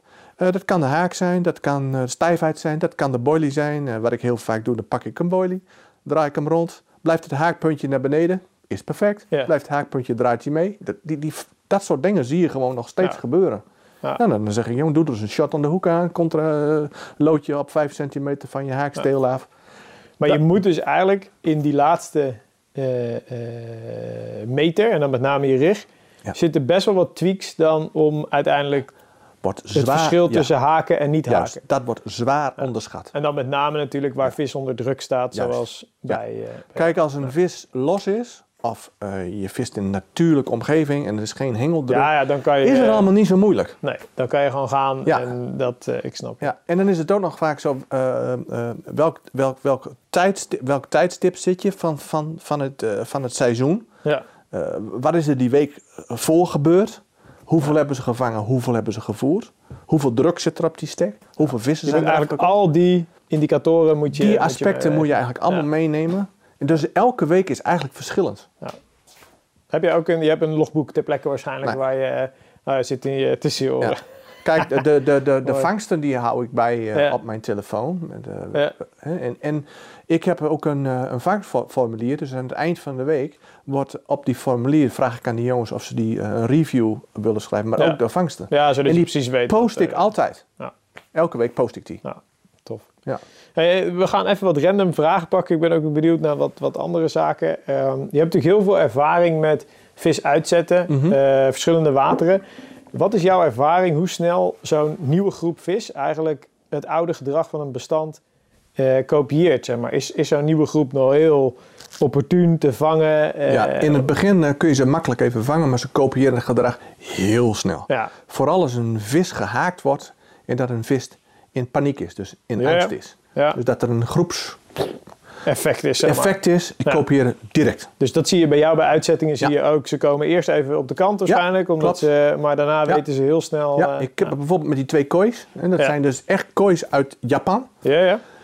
Die werden het eerste jaar werden ze een paar keer gevangen. Nou, probeer ze nu nog maar eens weer te vangen. Ja, nu weten ze donders goed. Ja, eh, ja, oké. ja. En, en ehm, zitten er bij jou op die put vissen die je voor camera hebt gezien, maar die er gewoon niet uitkomen? Ja, Ja? ik heb een vis, die noemen we de bloemvis. Ja. Die heeft echt hele mooie schubben op de zijkant. Echt een grote vis. Dat is echt een dikke 20 kilo plus vis. Ja. Die is er nog maar één keer uitgekomen. ja. En dan één keer in de afgelopen... Eh, 13 jaar. Ja. Ik heb hem, eh, eh, Leon en Mark, die hebben hem gevangen. En dat was volgens mij het tweede of derde jaar dat ik hem erin had. We hadden toen dat grote aquarium met Carp-event in de Ja. TT-hal. En die, hè, ter, promotie van de beurs. Ja, en daar hebben we hem uitgehaald. En al die vissen die zijn toen bij mij in de plas gekomen. ja. En eh, die vissen is er nog nooit weer uitgekomen. Nou, dus er zit gewoon een, een, Ja. een onderdeel van jouw bestand wat Ja. gewoon heel moeilijk Ja, vangbaar en we hebben natuurlijk eh, maanden camera's in het water gehad. En eh, ja, dan zie je gewoon vissen voor, voor, voor de camera voorbij komen. Ja, die, kan- die zijn er nog nooit uit Nee, geweest. die ik zie heb je een hele van, dikke eh, schubkaper. Echt een monstervis. Die is dik over de 25 kilo. Ja. En ik heb hem tijdens het snorkelen ook eh, regelmatig Ja, gezien. En ik weet ook dat hij in een bepaalde hoek zit. Daar wordt hij ook wel, ik weet ook zeker dat hij al wel gehaakt is geweest. Ja, maar hij is niet op de kant. Maar hij is niet op de kant gekomen. Ja, en Dat die, die vissen, eh, die ja. ontspringen de dans natuurlijk Ja. eh, regelmatig. Dus hangt dan ook wel zo'n mysterie om. Ja, jongen. Nee, ik, nee, eh, dat en- dan, en ik- bijvoorbeeld die two-tone, die vis van 30, die 30 kilo, ja. die heb ik gezien onder een, onder een overhangend boompje. En daaronder zwom nog een veel grotere vis. Ja. Ja, en die vis, ik, ik weet gewoon dat er nog een dikkere vis op zwemt. Alleen je- hij is er nog niet uit. Je weet niet wat het, wat het is. en je dat, hebt nog niet en dat is wel het fijne dat je natuurlijk regelmatig nu vissers hebt. Ja. Ah, die vis die, die, die, die is een keer de sjaak Hij natuurlijk. gaat de kick komen. Ja, tuurlijk.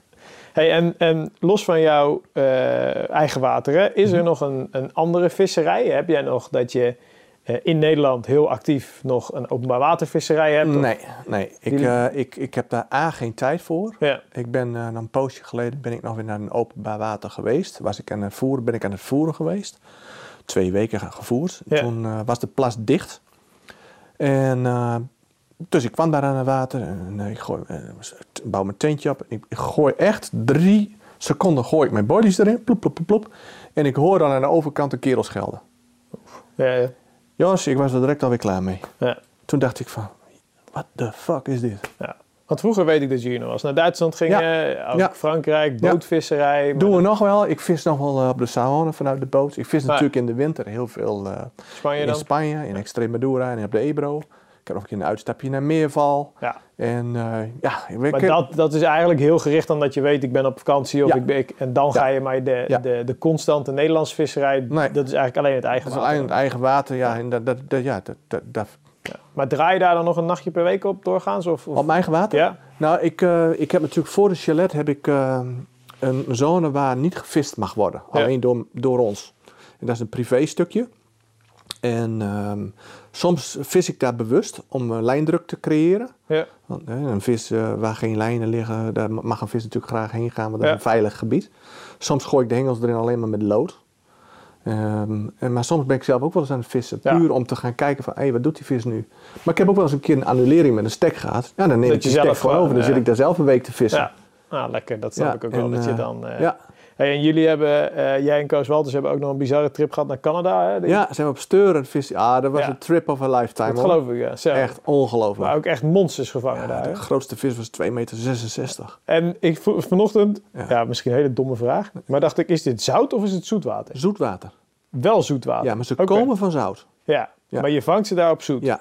En, maar is dat dan, eh, het is niet die St. Lawrence? Ja, het is de St. Lawrence en Fraser River.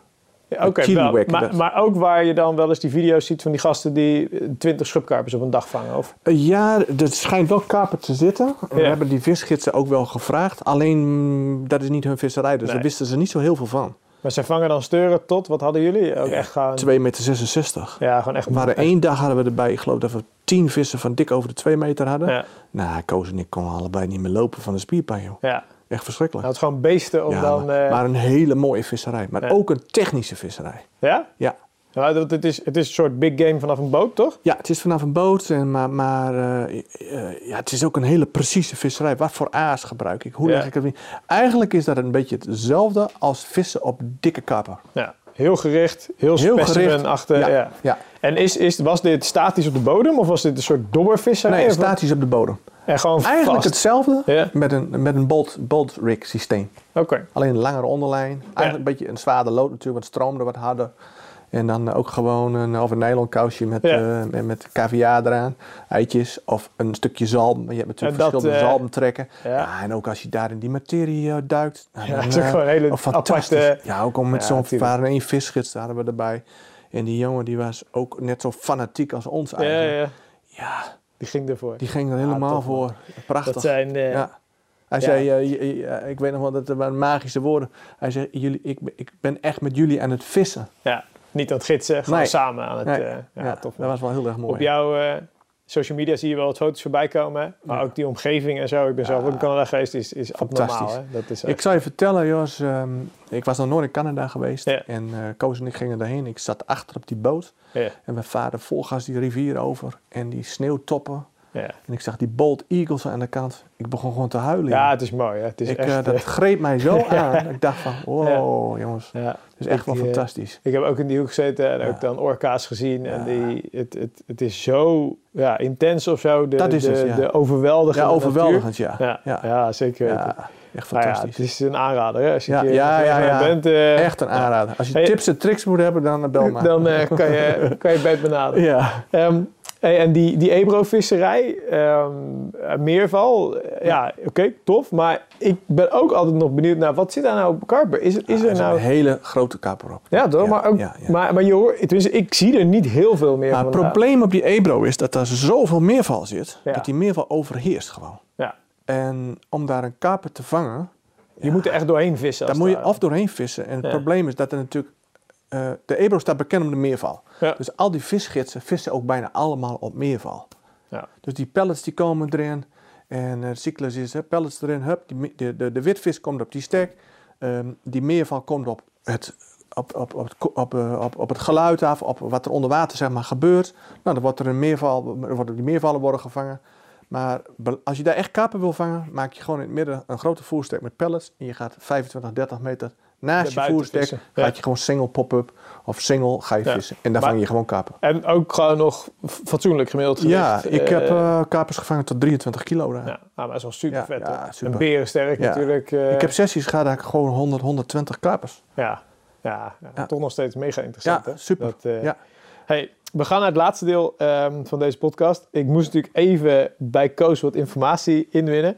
Ehm Koos die zei, vraag eens aan eh, Bert hoe die omging met een parkeerboete in Frankrijk op een tankstation. en, en, en dat was wel de kant van, ja, hij vertelde me daar toch wel een trucje uit had Nou, het was geen boete. Nee, Ja. dat ging zo. Ja, Ehm Koos en ik hebben natuurlijk heel veel trips en, en reisjes naar Frankrijk gemaakt. Ah, we zijn altijd wel een beetje aan dollen. En ik hou echt wel van een geintje. Dus op een, ja, op een gegeven moment toen... ge- eh, nou, even een broodje en een bakje Ja. koffie. Hè? Nou, dat kennen we allemaal. Parkeerplaats helemaal vol. Hartstikke druk. Ja. Dus eh, ik zeg, jongens, zet hem op die invalide parkeerplaats, jongen. Ik zeg, we lopen even naar binnen. En eh, we zijn weer weg. we zijn weer weg. Ja, En ja, zegt Koos. En Koos spreekt Frans. Ja. Ik niet. Ja, petit pain, bière. En, Ja, eh, de- de basics. En uh, Ja. ooievaar, weet je wel. ja. Dus, en daar kom ik eigenlijk altijd wel een beetje mee weg. Dus ik zit hem ook altijd wel een beetje in de zijk te nemen van als er iets gebeurt, dan moet hij het woord doen, Ja, weet ja. je wel. Dus uh, we lopen naar binnen en uh, ja, zegt Koos, komt er altijd direct de politie aan en dit. Ja, ik zeg, hoe, hallo, politie, hoe groot is die kans? Ik zeg, we zien nooit een politieagent, zei ik. Dus we staan naar binnen en een bakje koffie en een broodje. Ja hoor, Jeanne-Marie, Controle. Ja. achter de auto. Ja. Pom, zet hem zo neer. Kijk naar het kenteken zo. Kijk naar binnen. Geen kaart. Ja. Niks, ja, helemaal niks. Dus eh, Koos zegt, oh, verdomme, zie je nou wel, dan heb ik dit weer. en dat- dat. Ik zeg, Koos, loop maar heen. Ja. Ik, zeg, ik kom wel achter je aan. Ik zeg, kom goed, zegt hij. Dus ja, ik eh, loop, hij Koos die loopt erin en bonjour en bla bla bla. Dus ik kom maar aan. Nou ja.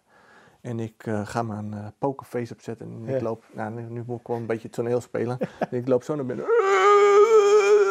Dus ik, ik deed net alsof je, ik... je hebt even wat misbruik gemaakt van de situatie. Dus die, eh er waren van die elektrische deuren natuurlijk. Ja. En dan liep een man en vrouw, die gingen al helemaal voor mij aan de kant. En, eh, dus ik, Koos, ik ga weg. weg." Nou ja, normaal overdrijf ik nog iets meer. Maar voor de Ik snap camera ik wil ik snap het een beetje netjes houden. Dus uh, Koos zegt, ja, mijn vriend, dit en dat. Ja, Ja. zegt hij, oké, ja, zegt die politieagent. Maar waar is je kaart dan? En eh, ja, die hebben een dashboard. Ja, volgende keer moet je hem er even voorleggen. En, Ja. nou, en zo kwamen wij ermee weg. kwam je onder die aan. ja. Ah jongens, ik weet dat... dat Ja. ja.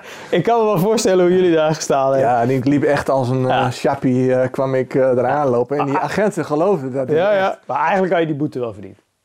Ja, eigenlijk Ah, wel. ja, achteraf Normaal kun je dat niet mee. Ah, Weet je, ja. Een keer, hè? Een keer. Dat, We zijn eh, allemaal wel een beetje boefjes, Zo toch? is het. Ik snap je dat helemaal. begrijp ik. Ja. Hey, en, en er kwam er nog een. Die zei, zei, goed. zei Koos, dat is de laatste.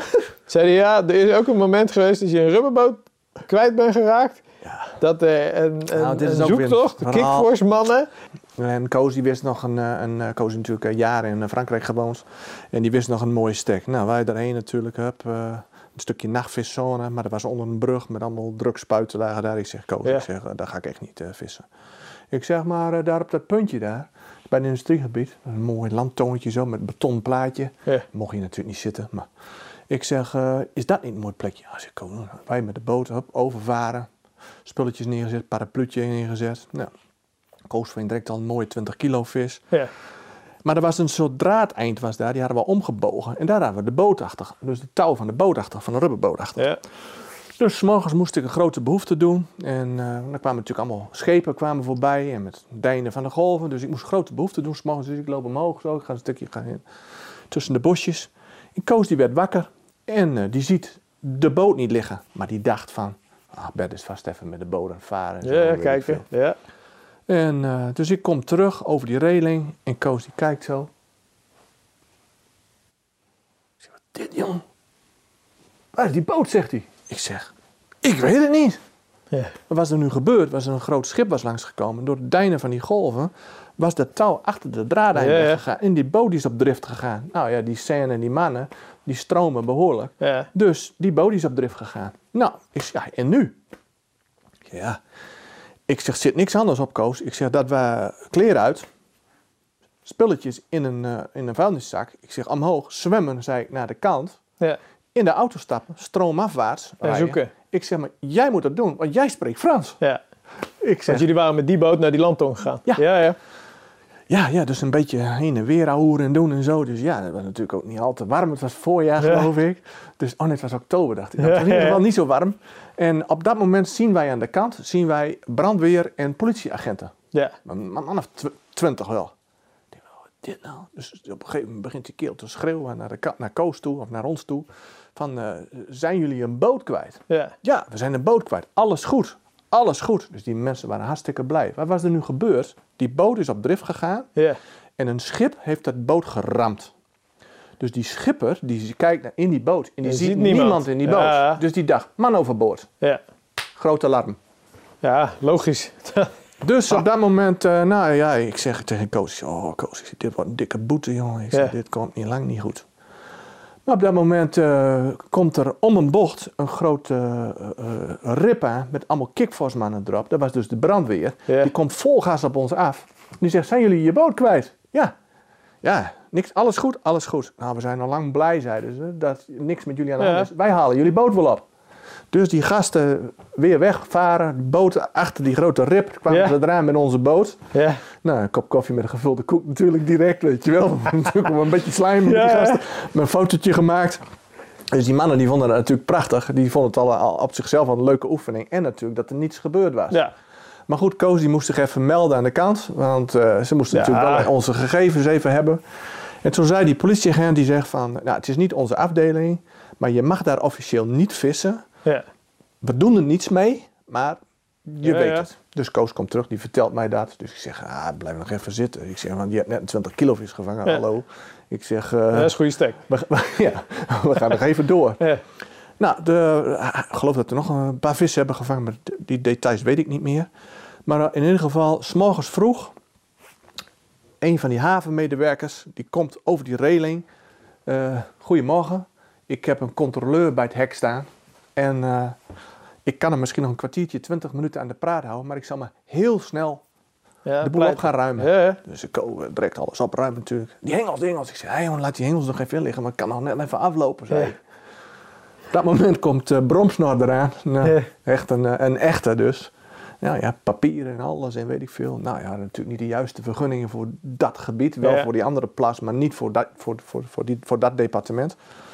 Ja, ik zeg van... eh de, ver- Koos die moest het vertalen. Ik zeg, zeg maar tegen hem dat wij toerist zijn in, in, in, eh, Ja, dat wij idee in. Parijs niet, echt niet wisten waar wij een vergunning mee moesten Ja. halen. Toen heeft hij uitgezocht waar wij dus een vergunning konden halen. Nou, als we daar een vergunning konden halen, of gingen halen, was het oké. Maar we Ja. moesten wel op het nachtvis. Maar toen zijn, toen zijn we weg. Man, man, man, toen zijn we weggegaan. Ja. En die boot was weer terug. En de boot die- was weer terug, alles zat er nog in. eh dieptemeter zat er nog op, er was niks aan de hand. Ja, Ja, toen, zijn we wel, eh, toen hebben we wel een beetje mazzel gehad. ze hebben wat meegemaakt. Ja. deze ballen. Bert, we gaan een beetje naar ehm, het Ja. laatste deel van deze podcast. Ik doe altijd een soort van, van kiezen of delen. Gewoon even jouw gut feeling. Ehm, we starten met BTW of openbaar, eigen visserij. Beide. Maar ik moet kiezen? Ja. Ah, dan openbaar, gewoon eh, openbaar. Gewoon de Voor- vrijheid. Voor of najaar? Eh ja, Visbus of sportwagen? oh, visbus. Visbus. Een pallet of particles Ja, te voeren om te vissen? ik gebruik allebei. Ja, ook Ja. met pa- uh, particles ook? Ja. Oké. En dan tijgenoot of wat nee, tijgenoot gebruik ik nooit. Want een tijgenoot heeft een vis niks aan. Dat is een rommel. Nou, het is geen rommel, maar een vis heeft er niks aan. Er zit Geen voedingswaarde geen voeding in. En ik ben Ja, toch eh, ook eh, vanuit, eh, ik ben natuurlijk ook viskweker. En, eh, Je wil ook, voeden. Ja, ik wil hem ook, eh, ik Ja. wil hem ook eh, dat het een lekkere dikke biggen worden. Ja. Hey, ehm, TT of Karp Den Bos? Ja. Waar ga je voor? Ik, ik, natuurlijk eh, vissen, karp dumbbells. Ik Dat bedoel, eh, die TT eh, vind ik prima. Dat was, dat was, dat was vroeger. Dat was 25 jaar. Hey, een bekende 26 kilo spiegelvanger of een onbekende 19 kilo schub? Onbekende. Onbekend, Ja. gewichten niet leiden. Nee, dat vind ik totaal niet spannend. Vissen met een rotpot of losse banksticks? Beide. Nylon of gevlochten lijn? Ook beide. Afhankelijk van, de, van de situatie. Is Ehm, gevlochten op de put bij jou toegestaan? Nee, niet op, eh, maar dat heb ik puur gedaan eh, omdat eh, niet elke visser is een visser. Kan daarmee vissen. Nee, Ja. eh, maar als iemand dus al vaker geweest is, mag hij van mij met gevlochten vissen. Heb ik totaal geen moeite mee. Ja, maar dan bespreek je het even. en, Ik wil weten wat voor type visser Ja. ik voor mij heb. eh, Vismeel of een zoete bol? Ligt aan de jaargetijden. En, Ah, eh, je mag hem maar met één bol vissen. eh, dan heb ik liever, eh, eh, omdat ik toch het najaar kies, Ja. een uh, vismeelbol. Gewoon voedingsrijk, Ja, vol. maar niet een zware vismeelbol. Uitwerpen of uitvaren? Ik vaar alles uit. Ja? Ja. Werpend eh, is ik denk dat als ik nu nog werp, dan gooi ik hem boven de boom, denk ik. eh, Ja, mooi ding. Klassieke muziek of heavy metal? Nou, klassiek. Heavy metal vind ik. Ik, ik ben natuurlijk altijd met Koos, altijd met, eh, met house muziek. eh Ja, oh, dat vind ik ook wel leuk. oké. Ja. Rivier of putvisserij? Ah, rivier. Meerval of steur? Mm, ja, ik moet eerlijk zeggen dat ik meervalvissen vind ik meer een natuur. En Ja. de steurvissen vond ik een beetje... Ja, ik vond het steurvissen een prachtige ervaring. Ja. Maar in combinatie met Koos in de natuur. Ja, was dat mooi. Dat vond ik mooi. Maar echt die steurvisserij, ja, dan eh, heb ik liever denk ik die meerval. Hey, en de laatste is een beetje tricky. Week je vissen met Koos of week je op vakantie met Gea? Ach ja, tuurlijk. Kijk, Zeker. Ja, daarom ben je waarschijnlijk ook al... Hoe lang ben je getrouwd? Je bent ook al... Ehm, ik ben vanaf eh, mijn, eh, even kijken hoor, 19e bij Gea. Ja, wauw. Ja, Dus dat is inmiddels 58, zeg je? ja. Jemie, nee, dat Ja. is... eh hey, En eh, ik blijf ook bij haar. Dat hele nou goede zaak. vertellen. Daar kunnen er veel een voorbeeld aan Ja, nemen. ja. Aan, eh, Ik hou vreselijk veel van haar. goed zo. En zij blijkbaar ook van jou, want anders had ze ook niet zo met jou... Ja, we zeggen het nog dagelijks bijna tegen Kijk, elkaar. Dus. Is zij ook zo'n bezige bij? Is zij ook ja, zo'n... ja? Gea is ook heel fanatiek. Ja. Gea is ook, als, als zij zich ergens ook in vastbijt. Ja, ja. ja, en dat, dat hebben we allebei, ja. Leuk. Hey, een paar laatste dingen. Ehm, eh, als mensen iets meer over je water willen weten, carp specialist of rechtstreeks bij jou, denk Ja, ik. hè? mag allebei. Ja, nou, Ja. Bert staat open voor vragen. Ja. je kan altijd met Bert schakelen. Ja. Ehm, social media, volgens mij reageer je ook gewoon Ja. op, op dingen die Ja. natuurlijk voorbij komen. Ehm, heb jij een tip voor een visser uit jouw netwerk? Of hij zegt, joh, zo'n bijzondere aanpak, bijzonder verhaal, bijzonder mens. Waar ook dit is een keer tof is om mee te doen. Ja. Heb je iemand die je meteen, uh, zonder anderen tekort te doen, maar die je binnenschiet? Nee, ik zou het echt zo 1, 2, 3 niet weten. Had jij direct... Uh... Nee. Oké. Okay. Nou ja, nee. Mocht hij nog moet ik even over, daar moet ik even over nadenken. Hoor, hoor ik hem, hoor ja, ik hem later. Weet je, het, uh, de meeste mensen waar ik mee omga hebben een beetje hetzelfde uh, niveau. Klinkt een beetje raar natuurlijk. Ja. Maar uh, we hebben dezelfde gedachtegang over de visserij. Ja. Dus als je echt in jouw iets, hoek. Ja, als je echt iets speciaals zou willen, zou ik Moet je andere, andere ja, generatie. daar moet ik even over nadenken. Ja. Okay. Ik denk dat, dat, je, dat je jeugd, echt, echt jeugdige ja. mensen. Andere blik. Ja, ja een frisse blik, andere blik. blik. Ja. Alright. Hey Bert, dankjewel voor jouw tijd. Jouw ja, verhaal. jullie bedankt. Vond het heel erg leuk. Jouw, jouw kennis Ja. hè, om te delen hier. Ja. Uh, we houden je in de gaten. En ja, laten we het nog een keer doen als je een paar jaar verder bent en ook je nieuwe project gaan geopend we zeker doen. Dus, Dat, eh, eh, dus we hebben denk ik nog wel heel wat in de pijpleiding zitten. Tof. We zijn nog niet Ehm, klaar. Voor deze jongens, eh, anderhalf uur zit er alweer op. Dank jullie wel voor het kijken. Ehm, ja, hou ons in de gaten. Studio Talks staan er klaar. We hebben er een aantal hele toffe staan. Mario Gijbels net geweest. We hebben Alain Danau hebben we gehad. Nou, nu Bert Teuben. En er staan ook weer een paar hele toffe eh, op de planning. Eh, dank jullie wel voor het kijken. Wij gaan lunchen hier. En eh, tot de volgende. Hasta luego.